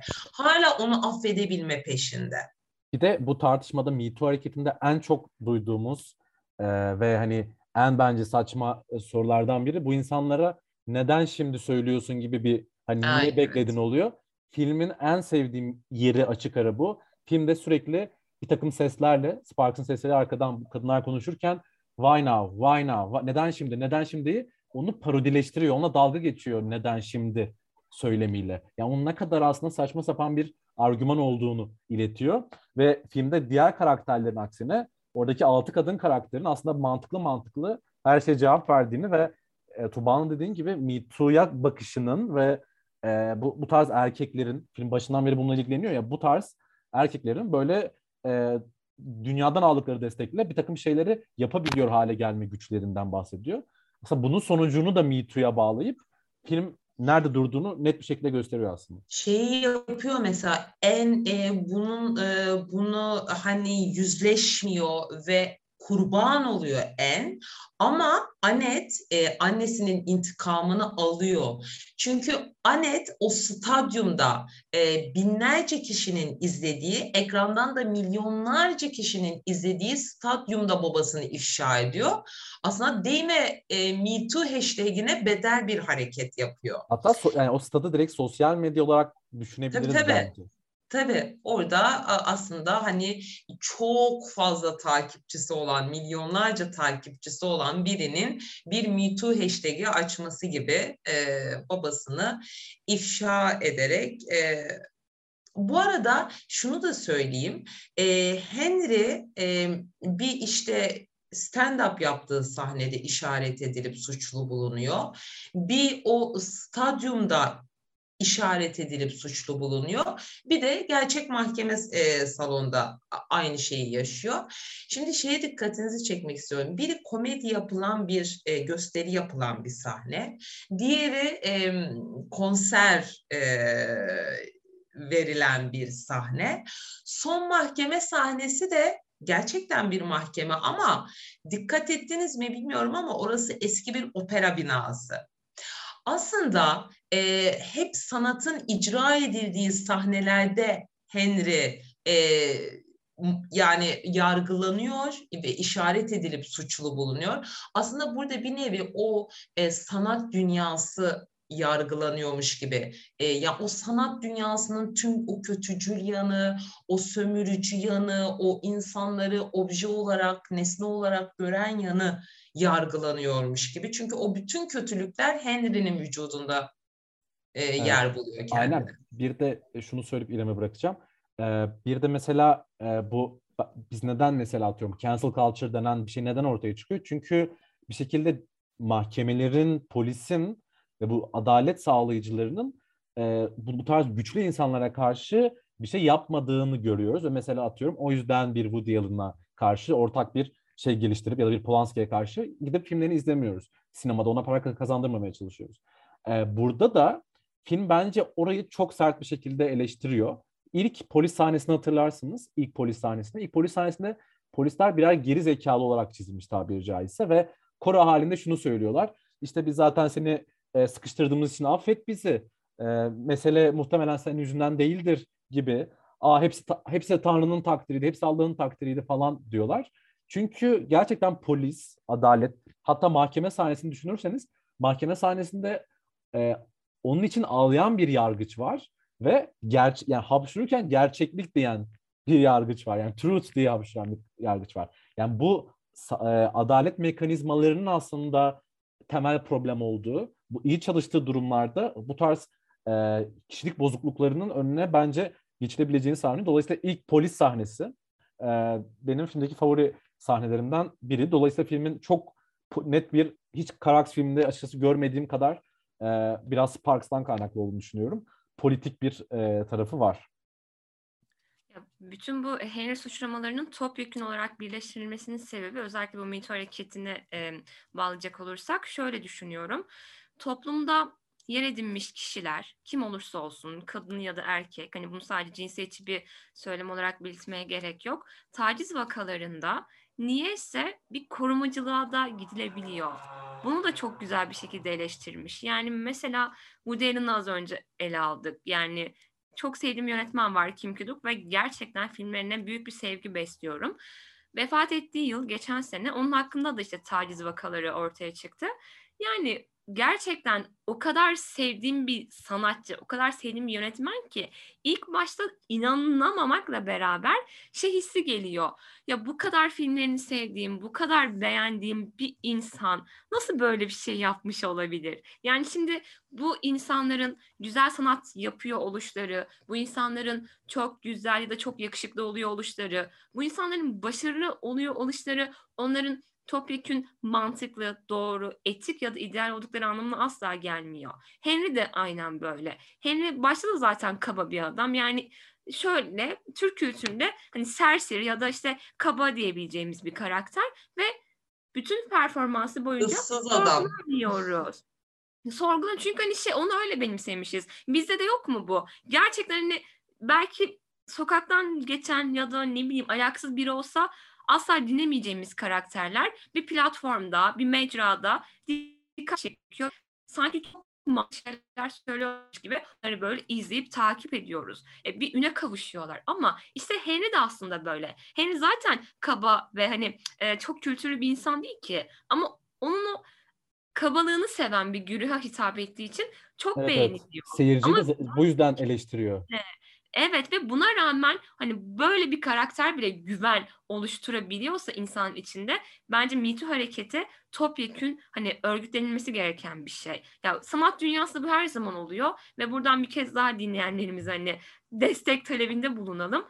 Yani gerçekten doğruya ulaşmamız için hani bence her zaman mağdurun beyanı esastır diye düşünüyorum. Hani tacizci kim olursa olsun. Çünkü evet, gerçekten bu vizyon, bu şöhret, bu sanat dünyası tamamen büyülü bir ekran. Yani evet, o yüzden bir de kronik bir şey. Olmuyor. Yani kronik bir şey. Bu sadece 100 yıllık sinema 125 yıllık bir sanat.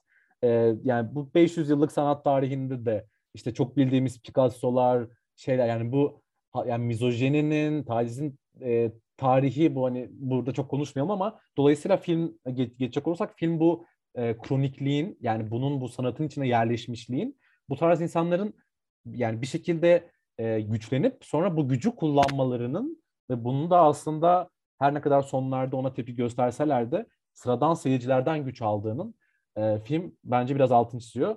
İsterseniz e, yavaş yavaş son sahnemize geçelim süremiz çok uzatmadan. Tuğba sen başlamak ister misin bu sahneye? Evet hatta e, çok kısacık bir önceki sahneye değineceğim. Bir önceki sahne neresi? Mahkeme sahnesi. Bu eski bir opera binasında geçiyor dediğim sahnede. Şimdi orada e, Henry işte kendini ifade etmeye, günah çıkarmaya çalışıyor. Normalde Amerika'daki mahkemelerde işte jüriye yapılır bu. Jüriye dönülüp konuşulur. Aslında Henry orada jüriye değil de enin hayaline konuşuyor. Enin hayaline konuşuyor fakat e, ama onun karşısına kim çıkıyor? Enin hayali kayboluyor, Enin hayaleti çıkıyor. Enin hayaletinin ortaya çıktığı yer çok ilginç. Tam yargıcın arkası. Aslında orada çok güzel bir şey yapıyor bence. Şimdi yargı genelde bu e, iş şeyci, tacizci, tecavüzcü, mobbingçi adamları genelde akla, aklıyor ya. Yani onlara gereken cezayı vermiyor ya.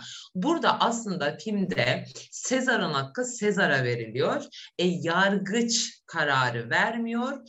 En'in hayaleti yargıcının arkasında, perdenin arkasından çıkıyor ve Henry'e ne diyor? Seni asla affetmeyeceğim. Her zaman peşinde olacağım. Senin e, peşinde olan o hayal değil ben olacağım, hayaleti olacağım diyor. Buradan e, sonra esas sahnemize geçiyoruz. Ara bir geçiş sahnesi var. Evin köhne bir hale geldiğini e, görüyoruz. Bu da aradan uzun yılların geçtiğini de anlatmak için e, karşımıza çıkan bir sahne. Ve gelelim bugünkü esas sahnemize. Şimdi önce Henry'yi görüyoruz. Yalnız Henry saçlarını kestirmiş, saçlarına aklar düşmüş, yüzündeki leke büyümüş. Bıyığı da zaten daha önceden bırakmıştı. Şimdi önceki e, filmin ilk başındaki Henry'den e, tip olarak da çok farklı. Ve ben o e, hapishanedeki halini Karaks'a çok benzettim. Siz de benzettiniz mi bilmiyorum. E, hatta e, emin olmamakla birlikte Karaks'ın bunu özellikle yaptığını, özellikle kendisine benzettiğini düşünüyorum. E, burada e, Adam Driver'ı e, alter egosu olarak görüyor ki daha önce de Holly Motors'ta Dennis Levent'i e, aynı şekilde e, alter egosu olarak e, gösteriyordu. E, burada tabii ki kendisi de bir kız babası olan ki e, Natsya e, kızını e, prolog ve epilog sahnesinde de görüyoruz zaten. Bir kız babası olarak e, bir günah çıkarma mı yapıyor e, yoksa e, hani bir baba olarak e, üzerine e, bir sorumluluk mu alıyor, neden bunu yapıyor bilmiyorum. Ama o çok ilginç bir e, durum. Daha sonra ise e, Anet e, geliyor. Şimdi Anet bütün turnelerde elinden bırakmadı. Peluş maymunuyla geliyor. İçeriye girdiğinde de zaten babasına sarılmıyor. Her zamanki gibi peluş maymuna başını koyuyor. Ona sarılıyor. Aslında bu peluş maymun bir yandan babasının temsili, bir yandan da e, Anet'in hayatta kalmasına sebep olan bir e, obje. Çünkü hani bu bağrına taş basma deyimi vardır ya. Anet her defasında bu peluş maymunu bağrına basarak ondan güç almaya çalışıyor. Her neyse ikili arasında konuşmalar geçiyor. İşte Anet e, burada kimseyi öldüremiyorsun değil mi vesaire gibi şeyler konuşuyorlar. Şimdi bu sahne normalde ana akım sinemada inanılmaz seyirciye mendil ıslatan türden olabilir. Arkadan yükselen müzikle, e, işte içli içli konuşmalarla e, seyirciler e, deli gibi ağlayabilirdi bu sahnede. E, ama e, özellikle Karax bu sahneyi yapay yapmak için elinden gelen her türlü çabayı sarf etmiş. Mesela Anet ağlıyor ama biz Anet'in e, gözlerinin kızardığını bile görmüyoruz. Sadece yüzünde bir ıslaklık görüyoruz. İşte Henry ağlıyor ama gözünden gözyaşı aktığını bile görmüyoruz. Sesinin titrediğini bile hissetmiyoruz. Sadece gözlerini siliyor. Bu arada buraya gelmeden önce tabii ki e, Henry e, Annette değişmişsin dedikten sonra Anet yes I have diyor ve karşımızda kanlı canlı bir şekilde duruyor. Orayı söylemeyi unuttum. Her neyse burada özellikle yapaylıktan bahsediyor. Sonra Hatta bu, bu kısım tam gözünü sildikten sonra oluyor aslında. Yani her gözünü sildikten sonra hani göz olayı çok önemli zaten. Demin sen demiştin galiba Civan. Biz bu filmi aslında Henry'nin gözünden izliyoruz. Aslında Anet filmin başından beri normal bir bebekti. Biz neden onu hep kukla olarak gördük peki? Çünkü Henry onu doğduğu andan itibaren ben bunu nasıl paraya çevirebilirim, ben bu çocuktan nasıl faydalanabilirim düşündüğü için biz Henry'nin gözünden gördüğümüz için hep onu kukla olarak gördük. Ama ilk defa işte bu hapishanede görüşme sahnesinde Henry kızını gerçekten kızına gözüyle bakarak onu gerçekten asıl haliyle görüyor. Yani aslında o hep oradaydı. Biz onu hep kukla olarak görüyorduk. Kukla birden e, insana dönüşmedi yani. E, öyle bir durumda var. Sonra bu e, müzikal kısmı başlıyor. Şimdi müzikal kısmı aslında karşılıklı bir diyalog gibi.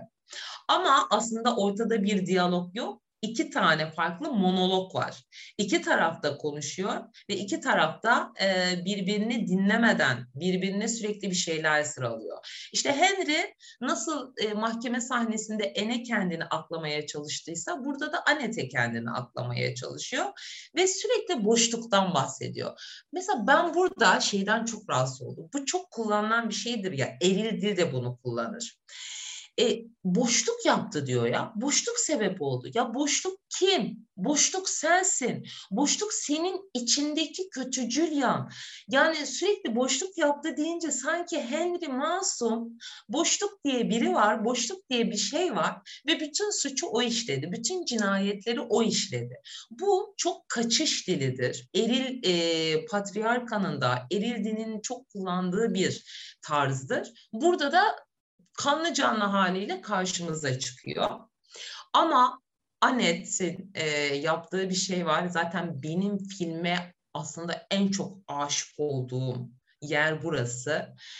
E, şimdi ana bizim ülkemizdeki sinemalarda e, hep bir baba varsa bu baba gençliğinde ne kadar e, suç işlemiş olursa olsun, ne kadar yanlış yapmış olursa olsun o yaşlandığında, işte hastalandığında, açıkçası yaşlı bir moruk olduğunda neden affetmek zorundayızdır. Yani o baba hep affedilir, e, ebeveynler hep affedilir, geçmişte hep barışılır. Neden her zaman affetmek zorundayız? Affetmemek de bir seçenek olamaz mı? Bunu Anet resmen dillendiriyor. Babasına diyor ki neden affetmeliyim? Affetmek zorunda mıyım? Affetmeyeceğim diyor. Zaten Anet bunları dedikçe de hani benim içimin yağları e, eridi ve zaten affetmeden de babasını affetmeden de e, o odadan e, çıkıyor. E, odada ne kalıyor?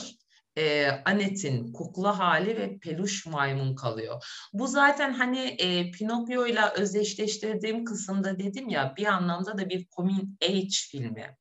E, Anet de çok fazla acı yaşıyor e, büyüyor, bir yetişkin haline e, ne, e, geliyor ve o derisini, gömleğini değiştiriyor tıpkı bir yılan gibi ve onu atıp bırakıyor.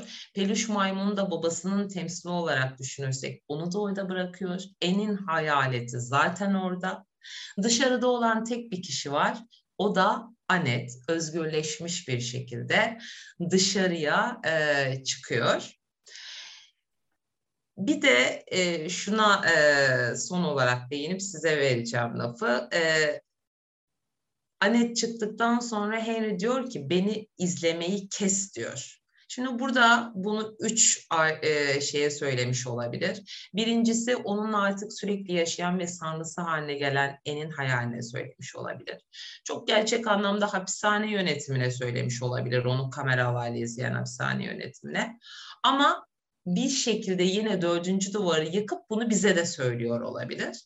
Burada bunu bize söylüyorsa bence ilk başta söylediğim şey güçleniyor. Yani o Henry'nin e, Karaks'ın alter egosu olma durumunu burada güçlendirmiş oluyor. Evet yani bence bize söylediği net orada çünkü yani şöyle bize bunu cümleyi söylerken bize bakmıyor. iki saniye önce falan bakıyor sonra yürüyüp devam ediyor.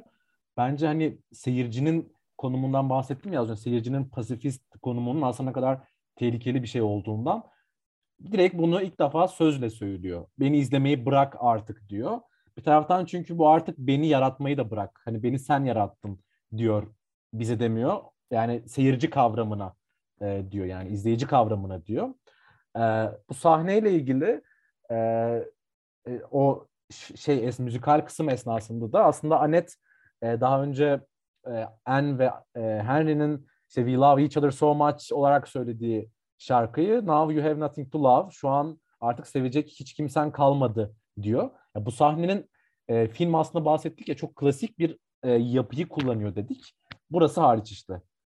Normalde bir e, klasik bir sinemada bu sahne Tuğba'nın dediği gibi e, birini birini affettiği bir şekilde çeşitli hesaplaşmaların, yüzleşmelerin yaşandığı yer olur. Böyle buradaki gibi bir yüzleşememe durumu olmaz. Burada bir cezalandırma sahnesi var. Burada sadece e, Henry değil burada bir Eni de cezalandırma sahnesi var. Filmin en büyük sürprizi bu bence. E, ikinizden de ikiniz de suçlusunuz diyor. İkinizden de e, affetmeyeceğim diyor. Bunu önce biz de anlamıyoruz. E, Henry de anlamıyor ikinizden kastı şey falan düşünüyorsun. Acaba hani kondaktörüm şey e, orkestra şefine mi diyor diyorsun. Ama yok en diyor. Yani çünkü az önce bahsettik sebebinden de. Bir proje bebek olarak dünyaya gelmiş biri. Doğumundan itibaren sadece sonda tek istismar sonda şarkı söylemesi değil. Doğduğu andan itibaren bir projeydi e, Anet Bebek. Dolayısıyla aynı oku ene dağıtıyor bir taraftan. Ve filmin ana kahramanı sonda oluyor. E, şeyi de ekleyeyim. Hatırlarsanız e, filmin e, e, bu, az önce konuştuğum, e, az önce şeyi söyledim. E, film hiçbir yerde kahraman olduğunu iddia etmiyor. Yani bu sistemle seyirci film sistemiyle ilgili sor, sorunlu olduğunu sürekli söylüyor. Ama bir şekilde bu sistemin parçası olduğunu da hissettiriyor ve bunu kendisinin de bir şekilde bunu devam ettirdiğini kabulleniyor. Bence bu sahnede de geçerli o. Sonuçta e, burası biraz daha tartışmalı taraf ama e, bir çocuğun bir filmde oynamasının da bence bir şekilde istismar olarak kabul edilebileceği ve aslında filmin kendisinin de bir çocuk istismarı yaptığından bile bahsedebiliriz burada. Ee, hani bu yorum tabii ki birçok şeye açık. Dolayısıyla bunu böyle biraz tırnak için alıp söylüyorum. Bu böyle bir görüşün tartışmaya açmak için söylüyorum. Ee, dolayısıyla aslında e, film yine diyor ki evet bunu anlattım size bu karakteri yerin dibine vurdum. Ama sistem olarak ben de farklı bir şey yapmıyorum aslında diyor. Çünkü bakın ben de gerçek bir oyuncu kullandım diyor. Çünkü o da gerçek bir insan. E, bu sebeplerden ötürü e, birazcık filmin bu e, kendi yerini, konumunu bilmesini e, çok doğru olduğunu düşünüyorum. Çünkü bir devrimci bir e, sektör değiştirici bir edayla yola çıkmamasında e, çok büyük bir e, mantık e, var bence. Ya son sahne evet etkileyici hatta filmin böyle en etkileyici sahnelerinden bir diğeri. Şöyle ki e, Henry Evet affedilmeyen bir baba oldu maalesef. Yani niye maalesef diyorum ki affetmek zorunda değil kimse ama şu çok dikkatimi çekiyor. Yeni Anet onun kızı olan Anet değil ki. Çünkü zaten kendisi bunu tehdit ediyor. Değişmişsin diyor. Ve biz de evet değişmiş yani artık seyircinin de alışkın olduğu bir Anet değil. O aslında bir çocuk bile değil. Çünkü bir anda o kadar bir hızla büyüyor ve idrak seviyesi gelişiyor, sorguluyor, o monolog sahnesini geçiyor. Bir nevi annesinin de öcünü aldığını sanırken annesini de eleştirmeye başlıyor. Yani Anet bir çocuk kahraman olarak hem sistemi hem aile yapısını hem eril düzlemi hem de neredeyse sinemanın kendisini bile e, eleştirecek noktaya geliyor. Çünkü ister istemez Anet bir sanatçı sayılıyor. Yani o kadar e, diyalog sahneleri ve şarkı, müzik sahnesi, müzik geçmişi var. Ve babasını affetmek tabii ki de zorunda değil. Yani bu bizim belki biraz kültürel olarak öğrendiğimiz bir şey ya da bu hani belki ım, kolektif bir bilinç olarak bize geliyor. Sinema da zaten bunu öğretti. İşte Godfather olsun ya da diğer bütün bu filmler olsun. Anne çok kötü bir karakter bile olsa, baba çok kötü bir karakter bile olsa, keza aileyi geçtim ebeveynler haricinde çocuk çok yanlış bir karakterli bile olsa film sonunda mutlu olmak zorundayız çünkü. Onlar barışmak, hani böyle aile hayatlarına geri dönmek, huzur içinde yaşamak zorunda. Çünkü bu da bu sanat sisteminin, bu hikaye anlatıcılığının kilit noktalarından biri. Seyirci her zaman bağdaşmak, mutlu ayrılmak ve mutlu son görmek istiyor. Hatta bununla ilgili birçok okumalar, makaleler bile var. Yani bu sorgulanması belki daha upuzun bir yayına kalabilen bir şey. Asla anne babasını Henry affetmek zorunda değil. Çünkü gerçekten artık Annette Harry'nin o alıştığımız çocuğu değil. Annette farklı bir karakter. Ve çok ince bir nüans var bu diyalog monolog sahnelerinde ve o şarkı sözlerinde. Neden seni sevemiyorum diye soruyor Henry. Yani seni sevemez miyim? Hiç mi sevemem? Çünkü alışmış. Yani Annette çünkü neden onun çocuğu ya? Kendi e, ürünü aslında. Yani Annette bir insandan da öte hani benim sayemde var olan bir hani nasıl diyeyim oluşum olarak bakıyor. Yani ne demek canım ben nasıl seni sevemiyorum sen benim çocuğum değil misine kadar gidebilecek bir yolculuk bu. Anet de çok net bir şekilde diyor ki şimdi sevecek bir şeyin yok. Yani ben hiçbir zaman sana ait olmadım. Çünkü ben artık çok daha farklı biriyim. Bu yüzden Anet'in bir anda bu büyümesi evet yani biz de aslında onu izleyerek büyüdük. Yani Anet bizim o bütün seyir düzenimiz sayesinde büyüdü. Bir nevi hem ve enden daha çok bizim çocuğumuz misyonuna yükleniyor ve Anet babasını affetmediğinde biz sorgulamıyoruz. Biz rahatsız olmuyoruz. Yani biz aksine evet ya bunu hak etti diyerek tatmin olarak ayrılıyoruz o sinema salonundan. Çünkü masanın biçim bilimini artık biz de büyüklere biraz daha itaat etsinler diye anlatılan masallar olduğunun yavaş yavaş idrakına ermiş oluyoruz. O yüzden Anet'in burada destekçisi olarak bulunuyorum. Çünkü haklı. Artık sevecek bir şey yok Henry'nin. Yani sinemanın en temel kodunu yapmıyor, uygulamıyor film. Biriyle özdeşlik kurmuyor. Mesela En zaten çok görmediğimiz bir karakter ve bir şekilde e, e, film içinde kaybolan bir karakter. Onun dışında zaten Henry özdeşlik kurulabilecek bir karakter değil. Anet de çok mesafeli bir karakter seyirci. Gerçek Anet'i sonunda tanıyoruz. Yani kimseyle özdeşlik kuramıyoruz film boyunca. Ve bir şekilde film bize aslında sürekli bu yüzden kimseye kapılmamamız gerektiğini, hiçbir buradaki tarafa yönlenmememiz gerektiğini, oturup gerçekten düşünmeniz gerektiğini burada vurguluyor bence ve bu son kısım bence filmin en vurucu tarafı. Yani bu affetmeme mevzusu kaldı ki e, Anet'i hiçbir zaman e, e, performans yaparken şarkı söyleyerek yaptığını görmüyoruz. Daha çok bir ezgi mırıldanma olarak görüyoruz. Ama burada babasına kendi silahıyla saldırıyor. Ona şarkının sözleriyle, şark- müziğin kendisiyle saldırıyor aslında. Yani onun silahını ona doğrultuyor. Onun ona verdiği gücü ona tekrar doğrultuyor babasının.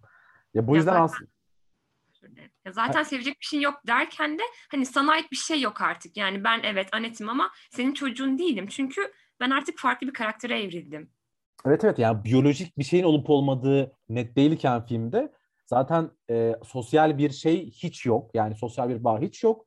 Aslında film bu yüzden e, ikinize dediniz ya toplum tarafından bize vurgulanan aile, o aile kavramının özellikle Türkiye gibi içine kapanık toplumlarda aile kavramının önemi sürekli vurgulanır. İşte o ahlakçı tavır sürekli vurgulanır ve biraz e, aman ailemizi şey yapmayalım gibisinden bir şey olur. Burada biraz daha e, kafa açan yani gerçek iyi anlamda bir kafa açan bizim düşünmediğimiz tarafları düşünmemizi sağlayan bir yapısı var filmin. Tuğba bir, bir şey de şey ya e, asla şarkı söylemeyeceğim diyerek o şöhret dünyasından, o sanat dünyasından da uzak kalacağını söylüyor. Burada hem babasını bir cezalandırma var e, hani e, çünkü babası hep o dünyanın içinde kalmasını istedi. Orada bulunmayacağını söyleyerek hem babasını cezalandırıyor hem de o dünyaya zaten tamamen sırtını dönüyor. O da çok önemli. Evet evet. Ya çok özgürleştirici bir son ya bir taraftan yani seyirci için de karakter için de düşün yani babasının öldüğü bir durumda bile şarkı söylemeyecek olması bu karakter o karakterin kendisiyle ilgili bir e, durum olur yani o o mirası devam ettirmeme, onu reddetme. Aslında reddetme buradaki bence e, ya tabii ki. Bir de üstelik sadece Henry karakterine değil hani izleyenlere ve hatta film düzlemine bile bir baş kaldır. Yani hepimiz bekliyoruz ya bir şey olsun ya çocuklar işte affeder falan diyor ki hayır ben ayrı bir karakterim ve bir nevi senaryoyu yeniden yazıyor. Yani kendine ait, kendine yakışan bir e, sonlandırışla bir finalle aslında bunu taçlandırıyor. Evet evet hatta yani e, şaka yapıyor babasına. Yani oradaki şaka bence çok bir üst seviye ulaştığının kanıtı. Burada birilerini öldürmezsin artık falan e, diyor yani. E, ve şey hiç, hiçbir zaman şey düşünmüyoruz. Bu bir çocuk bunu söylemez düşünmüyoruz. Çünkü Anet'in yaşadıklarını hepimiz biliyoruz seyirci olarak. Ve Anet'in bu noktaya gelmiş olmasına şahit olduk ve e, dolayısıyla bu tepkileri vermesine de şaşırmıyoruz bir taraftan. O şakayı yapıyor olması da bir takım şeyleri ne kadar aştığını, ne kadar üstünü çizdiğini ve net olduğunu. Çünkü artık bir şeyle mizah yapmaya başladığınız zaman onunla ilgili bütün problemlerinizi yitirdiğiniz anlamına geliyor. Her şey çok net, her şey çok net bir şekilde uygulanıyor. Görüşürüz baba denip e, kapanıyor. Ve babanın son halini görüyor olmamız, Anet'in bir girip çıkan biri olarak görüyor olmamız. Yani Anet'le devam etmiyoruz mesela sonra. Biz Henry'de kalmaya devam ediyoruz. Çünkü baştan beri onu izledik. Alın son halini de görün e, biraz bence. Yani resmen Henry'i izlemek için toplanan bir izleyici grubu ve Anet'in de küçük nüansları olarak filmi evet, özetlemek. Evet. Biraz şey gibi hissettim böyle bizi birazcık sanki Henry tarafıyla ilişki kurdurttuğu için hani onun oluşumunda pay sahibi olduğumuzu hissettirdiği için biraz Anet'i de bize mesafeli kılmasının sebebi o. Yani siz o tarafta değilsiniz tam aslında. Dolayısıyla sizi bize o tarafa yaslasa biz Anet'i bir kahraman olarak görüp o tarafta çok özdeşlik kurmamız gerekirdi. Filmin büyük bir kısmında Annette'in yüzünü biliyor bile yüzünü bile görmüyor olmamızın bence temel sebebi bu. Hiçbir zaman biz çocukla bir kuklayla çünkü yapımız biyolojik yapımız gereği e, özdeşlik e, kuramıyoruz.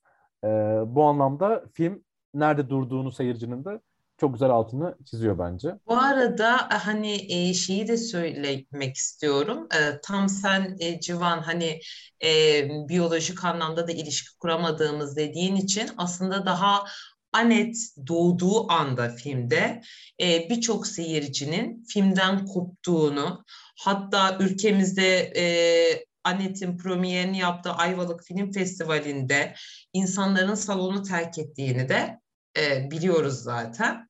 Hani e, o e, şey Anet'in kukla hali e, birçok kişi direkt filmi izlemekten bile e, şey yaptı yani. Evet evet ya aslında seyirci cümleyi.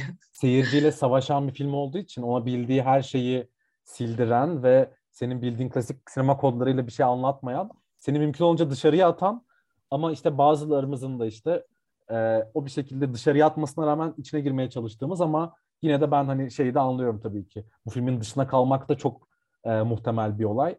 E, bir şekilde bunu sevmemek de çok muhtemel bir olay. Süremizi birazcık e, açtık bile. So, son olarak şey ekleyeyim.